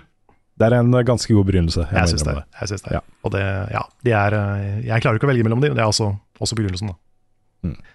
Bare til lytterne så bare forklare at vi før innspilling så sa Carl at han hadde delt femteplass, og da var det sånn åh, kan jeg også ha det? Så sa han nei, han hadde en spesiell grunn til det, da. Ja. Så jeg, ok, men da lar jeg være. Ja. Og det er fordi jeg har ikke lyst til å kaste meg på denne krigen, for den er så tåpelig. Ja, det er veldig bra. Uh, og så, på fjerdeplass, har jeg Andor, som var fantastisk. Første sesong av Andor. På tredjeplass har jeg Cobra Kai. Ja. ja. Fordi jeg slukte hele Cobra Kai i år. Mm. Fem sesonger så jeg på ganske kort tid. Det er dritbra, ligger på Netflix. På andreplass er jeg Severance. For det, det også er noe av det beste jeg har sett noen gang i TV-serieverden. TV-serieverden. Og på førsteplass, som også fikk meg til å gå tilbake og se på alt personen hadde lagd før, Mm. The Rehearsal. Ja. Nathan Fielder. Jeg kommer, til å, jeg kommer til å lure på hvem Nathan Fielder er til den dagen jeg dør. ja, hvem er han faktisk Hvem egentlig? er den mannen? Ja. Hva, hva er ekte, hva er fake? Det er sånn, Mm. Alt han lager, føler jeg går ut på liksom å, å, å blurre den linja. Mm. Og det er veldig fascinerende. Men uh, hvis ikke du har sett The, The Rehearsal, så se The Rehearsal. Du kommer til å Du kommer til å bli veldig påvirka i en eller annen retning. ja, da er Tror jeg at jeg kan love. Mm. Så det er meg. Det er deg. Andreas? Ja. Skal vi se, jeg har eh, på en femteplass så har jeg eh, House of the Dragon. Eh, fjerdeplass så har jeg 1883. Det er, eh, jeg er veldig glad i western. Jeg syns, eh, selv om 1883 er litt over the top med litt sånn romantisk historie og sånne ting, og kanskje litt vel melodramatisk, så er den veldig ærlig og brutal samtidig. Så, og så har den et fantastisk soundtrack. Det er veldig pen. Dette er en prequel til uh, den der western-serien, er det ikke det? Yellowstone, ja. Yellowstone? Ja. Mm. Den er veldig annerledes enn Yellowstone. Mm. Jeg har hatt veldig lyst til å se Yellowstone, Mm. For jeg har følelsen at det er en serie for meg. Det kan være. Jeg har ikke sett Yellowstone, jeg har kun sett 1883. Oh, ja, okay. Men jeg har, jeg, vet, jeg vet at eh, Jeg har sett nok på en måte til å vite at det er annerledes. Mm. Eh, På nummer tre så har jeg en eh, dokumentarserie på bare to episoder, faktisk. Men det er en serie, og det er George Carlins American Dream. Mm. Hvis man er interessert i standup og, og sånne ting, så er den veldig anbefalt. Det er George. Carlin var en skarp fyr, altså. Uten tvil. På andreplass har jeg The Boys sesong tre. Er det ikke sesong tre som kom i år? Jo. Jo. Og på førsteplass så har jeg Severance. Og um, det kan jeg si litt. For jeg uh, flytta jo med dama til Fredrikstad, og det var litt sånn spørsmål om jeg skulle si opp jobben min, eh, eller fortsette å bo der og ha jobben, og så flytte seinere. Og det jeg kan innrømme så mye at det her er en jobb jeg ikke var så veldig glad i. jeg var litt lei av å være der. Og Severance, den maler et bilde på hvordan det er Hvordan det føles å ha en jobb hvor det føles ut som du er på jobb hele tida, og egentlig ikke er glad i jobben. Og det er egentlig ekstremt deprimerende, i hvert fall når du er i en jobb du ikke trives så godt i. Så jeg, jeg vil si at den, den serien er nok litt av grunnen til at jeg bestemte meg for å bare Nei, jeg må bare si opp den jobben her, så må jeg bare flytte. Jeg må bare ta den sjansen, liksom. Ja. Ja. og når en serie klarer å liksom vende meg på den måten, da, da syns jeg det fortjener en førsteplass. Jeg syns den, eh, den serien er, eh, er god på alle riktige måter. Mm. Fordi den, eh, den holder kortene veldig tett i brystet, og avslører ikke uh, mer enn den må. Mm. Og så eksploderer den i en helt herlig, nydelig cliffhanger Ja. i siste episode. Ja. Og det, er, eh, det, det er en sånn serie som bare vokser og vokser og vokser. Ja, som blir bedre er og bedre og kulere og kulere. Den er så dystopisk. Um, Mm. Jeg elsker dystopiske ting. Altså Black Mirror er en av mine all time favorittserier. Og jeg føler Mm. at Severance går litt i samme sporet. Ja. Ja. ja, det kunne vært en kjempelang episode av Black Mirror. Mm. Jeg har lyst til å eh, ta over der hvis du er, var ferdig. Mm. Yes. Jeg har hatt litt lite tid til TV-serier i år. Det har vært et litt eh, rart år for meg, men jeg har lyst til å trekke fram et par eh, likevel. Eh, som er ganske annerledes enn det vi har vært borti så langt. Den ene er jeg, jeg klarer ikke å, eh, å slutte å snakke om RuPaul's Drag Race, folkens. Fy fader, det er den beste reality-serien jeg vet om. Eh, Ja. Og i, so eh, i vår og i sommer så hadde de en ny sesong av konseptet deres All Stars, der de tar inn tidligere eh, eh, deltakere eh, og lage en sånn best off-greie. Og det var best off, best off. Eh, så det var liksom de aller beste folka bare samla, og det, det, det er det faktisk det beste den serien noen gang har bydd på. Så hvis du er interessert i Drag Race, så kan det faktisk være en plass å starte. Kanskje. Er ikke det sånn 22 sesonger eller noe sånt? Det er mye. Eh, Det spørs hvor mange av de spin-off-seriene du tar med. Ja. Ja. Jeg tror eh, hovedserien har sånn 19. ja. Ja. Bare begynn på den nyeste. Det fikk fint. Men okay. en annen ting jeg har lyst til å ta opp, er en eh, animeserie som kom eh, tidligere i år, som er da sesong to av Made in Abyss.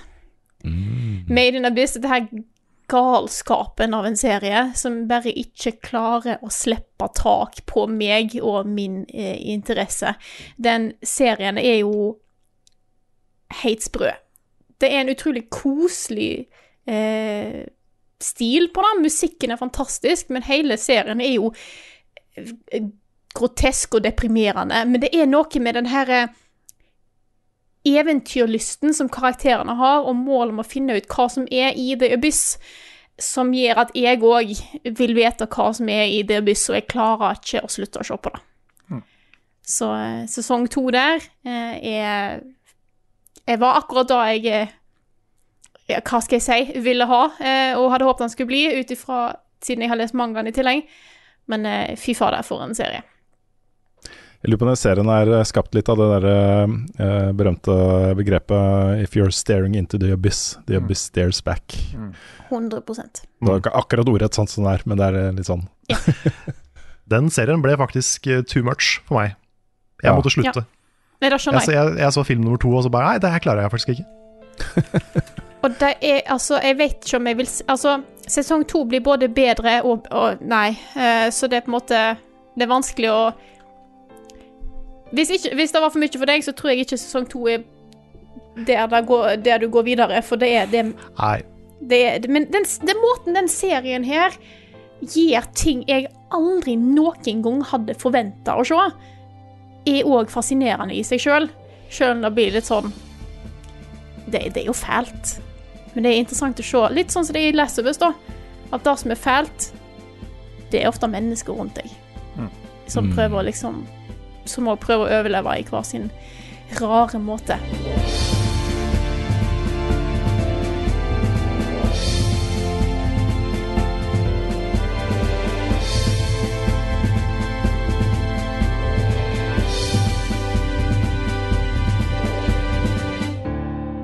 Nå er det altså bare de to gjeveste, største prisene igjen, og den første av de er publikumsprisen. Og der har vi rett og slett eh, bedt Patron-backerne våre, eh, og andre som er, har lyst til å stemme, det har vært en offentlig eh, avstemning, eh, eh, om å stemme på deres favoritter fra spillåret 2022. Og etter en intens eh, runde med avstemninger, så har vi da fire uh, uh, spill? Fem, Fem spill. Ja. Fem spill som, eh, som vi nevner, og da går vi fra fjerdeplassen og oppover. Og vi går fra fjerdeplassen fordi den er delt. Det var ikke nok desimaler i prosenten til at vi klarte å skille de to, er det ikke sånn, Frida? Ja, det er ikke desimaler her. Nei, Nei. det var ingen desimaler. Det var ingen desimaler. Nei, det er uh, Patron er litt sånn teit der. Ja. Men uh, sånn blir det. Og da er i hvert fall uh, delt uh, fjerdeplass blir da Xenoblade Chronicles 3 og Tunic. Tredjeplassen går til Stray. Andreplassen til God of War Ragnarok. Og da er det ingen Det er veldig, veldig lave odds på å gjette hvem som topper publikumsprisen i Level Up 2022. Det ble naturligvis Elden Ring. Sonic Frontiers, nei, Elden Ring, ja. Elden Ring, ja. Elden Ring. Babylons kan- Fall. Ja, og jeg kan eh, komme med litt eh, prosent her, bare som jeg får eh, for, å, for å få fram på en måte hvor, hvor klart dette her har vært. Um, Sendeblade og, eh, eh, og Tunic har begge to fått 3% av stemmene. Stray har fått 5. God of War har fått 24. Og Elden Ring har fått 44. Det er sjelden, tror jeg, at det Ja. er så overlegent. Ja. Det er Spesielt to altså. spill da, som, som skiller seg ut klart blant mm. dere som hører på. Året har jo vært en eh, Elden Ring God of War-sandwich, Ja. med Elden Ring på starten og God of War på slutten. Mm. Så det er jo litt naturlig også at det blir sånn. Det er nok også to, de to mest etterlengta spillene i eh, år. Mm. Um, det er jo alltid gøy når eh, forhåndsfavoritter innfrir på den måten, um, må jeg si. Uh, og så har det sikkert litt betydning at sånne spill som Starfield, uh, nye Zelda-spillet osv. har blitt utsatt da, til neste år. Ja. så de har fått dominere ganske hardt, disse to spillene i 2022, altså. Og da går vi over til den gjeveste prisen av de alle, og det er du, Andreas, som har fått æren av å eh, eh, hva, hva er det? Si den. Jeg kom ikke på hva ordet var. Vær så god. Jeg har fått æren av å si den. Ja. Yes, da er det det årets spill, da. Det er jo den gjeveste prisen. Og da er de nominerte. Det er Elden Ring, Immortality, Xenoblade Chronicles 3, Tunic, God of War, Ragnarok, Pentiment og Signalis. Og vinneren, det er Elden Ring. Alle er sjokkerte. Ja, ja. ingen som så den komme. En bombe. Kan jo nevne at hadde dette vært en jury, så hadde vi måttet diskutert enda mer, for da hadde det vært en hung jury. Det, er, eh, det er jo ikke alle i Level Up som mener Elden Ring fortjener den eh, prisen, men de fleste av oss gjør det, da. Det er sant. Det er sant. Men det er jo, vi har jo snakka masse om Elden Ring allerede. Det er et sånt uh, det, er liksom, det er ikke bare Game of the Year, det er kanskje du kan argumentere for at det er Game of the Decade, liksom. Ja, og mange vil også eh, gå inn og si at dette er det beste spillet jeg har spilt noen gang. Og det har jeg hørt fra både kritikere og fra, fra fans, og fra alle, alle forskjellige kanter, liksom. Mm. Um, og det, det er et sånn type spill. Og grunnen til at folk snakker om det på den måten, er jo mye fordi uh, jeg føler det setter om ikke den eneste, men en ny standard for open world-rollespillsjangeren. ved å gi spillerne så mye Uh, frihet. Um, og det er en, eh, den, den følelsen av å spille seg gjennom et så stort og omfattende og innholdsrikt spill på den måten, hvor det er på en måte Det er ikke noen ikoner på kartet som forteller at nå skal du dit, nå skal du gjøre det, eller noen liste over quests som ja, du er der og der i den questen, og hvis du går dit og dit, så fortsetter den, og sånne ting. Det, det eksisterer ikke noen sånne ting i spillet. Det er kanskje litt for lite håndholding for noen. At du starter på en, en sidequest eller en, en NPC-quest og aner ikke Du aner ikke hvordan du skal fortsette den. Så eh, for meg og for mange andre så har jo Google vært en god venn der, når man skal gå tilbake da, til den opplevelsen der og finne ut hva har jeg gått glipp av. Og så er det du har gått glipp av tre-fire spill.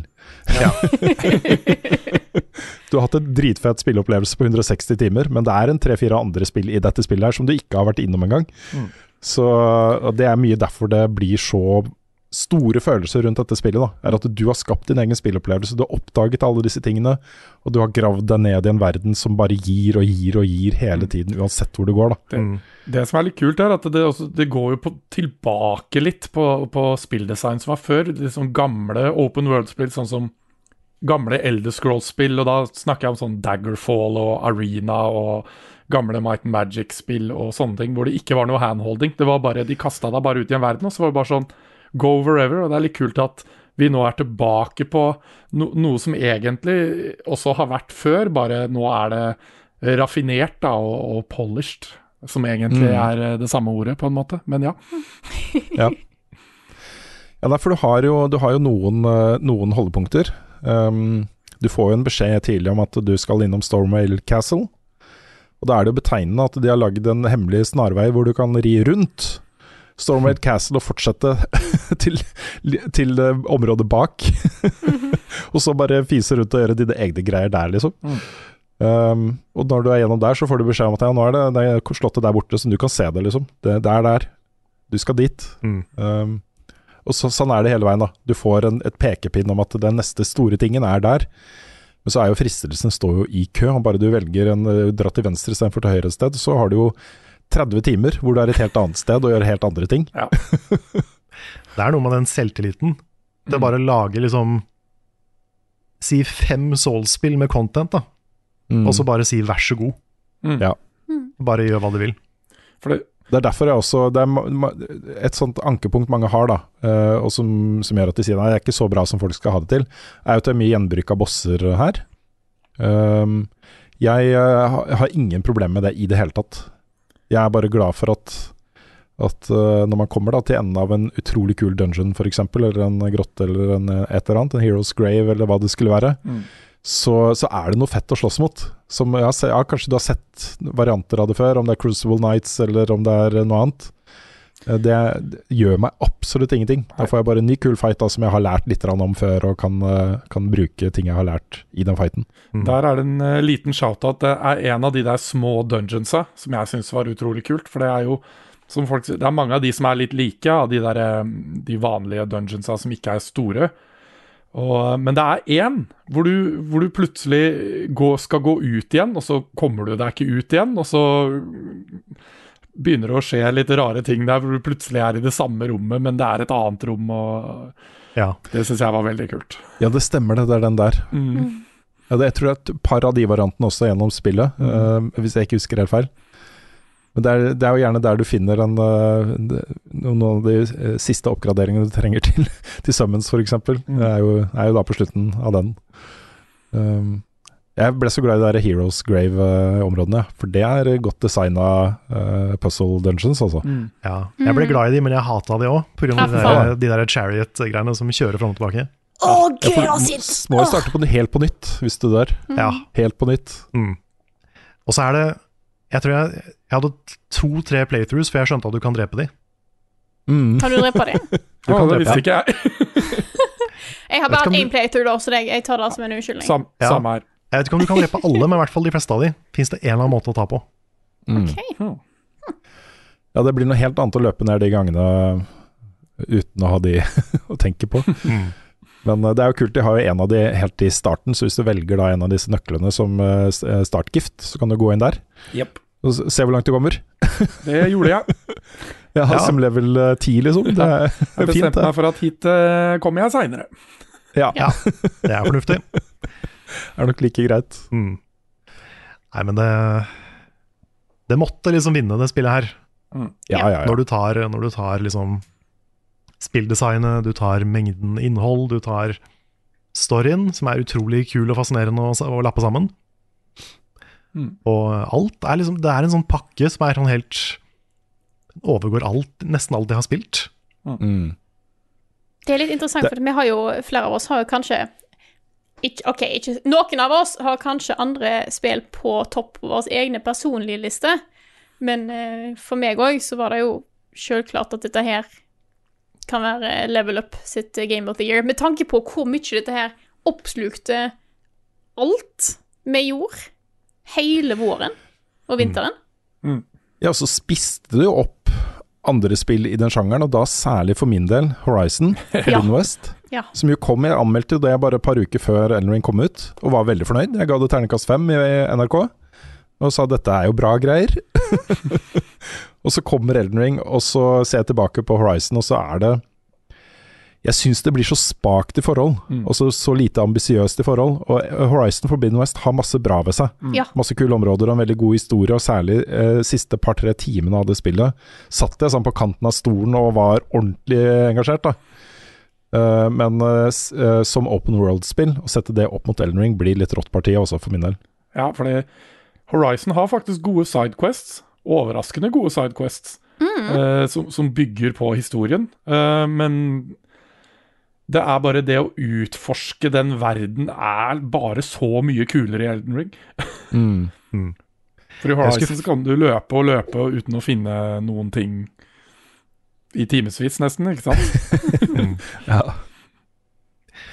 Nei, jeg, jeg husker før Elden Ring kom, så hadde jeg hengt meg opp i det utviklerne sa om at ja, men du kan jo runde det på 30 timer, liksom.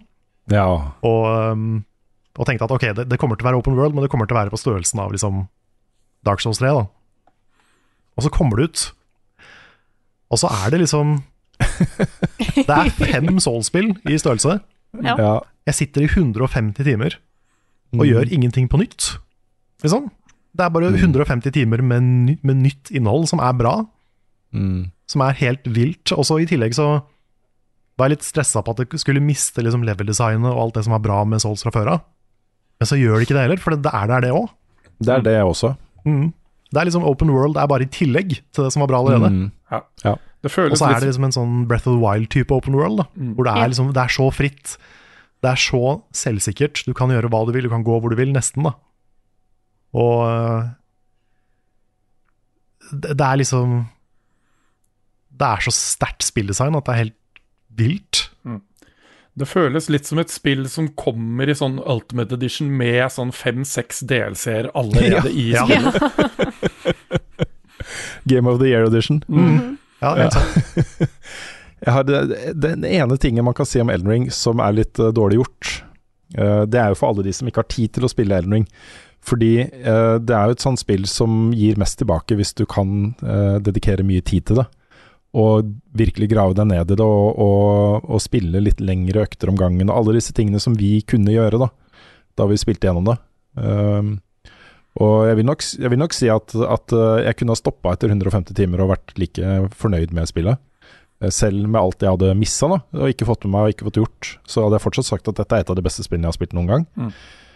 Men det er jo det å ha hatt muligheten da, til å mangedoble de, de timene der, har gjort noe med meg, altså. Mm. Det har, eh, det har prega året mitt, eh, ikke bare da jeg spilte dem til anmeldelse, men også perioden etterpå.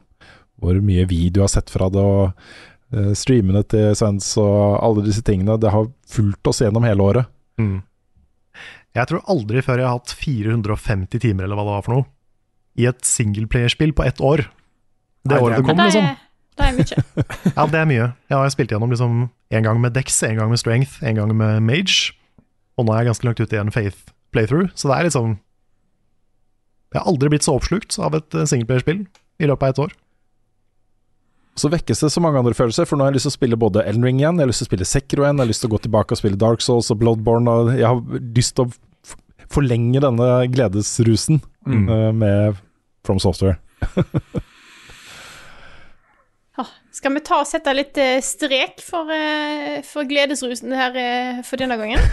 det kan vi gjøre. Jeg kan også nevne at neste uke, neste podkast, blir også en spesialpodkast. Det blir en God of War Ragnarok spoilercast. Så hvis du får dette spillet til jul, så har du da noen få dager da, til å komme deg gjennom det spillet på, før du kan høre spoilercasten vår. og rett over nyttår så er vi også med en spesialepisode. Det blir, blir en gjennomgang av de spillene vi gleder oss mest til i 2023. Og eh, litt spoiler alert på den. God damn, 2023 ser bra ut. Ja, det gjør det. Mm -hmm. dyrt ut. og så da uka etter det, det blir jo da andre uka i januar, så er vi tilbake igjen med vanlige podkastepisoder. Og det er pinadø, folkens. Episode nummer 400. Sjuke greier. Du verden. Du verden. Og med det så vil vi ja, runde av dette året, egentlig, og ønsker dere alle god jul.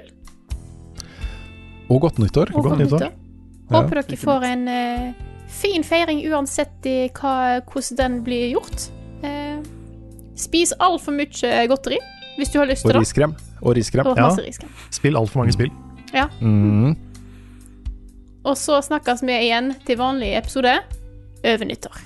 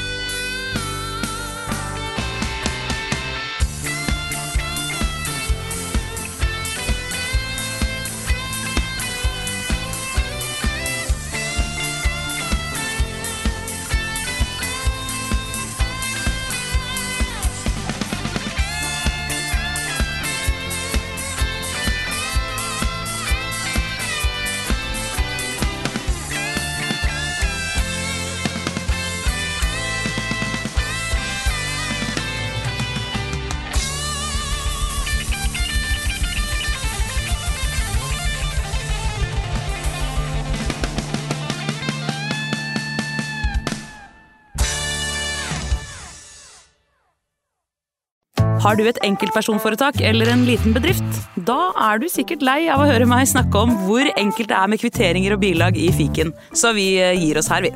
Fordi vi liker enkelt. Fiken superenkelt regnskap.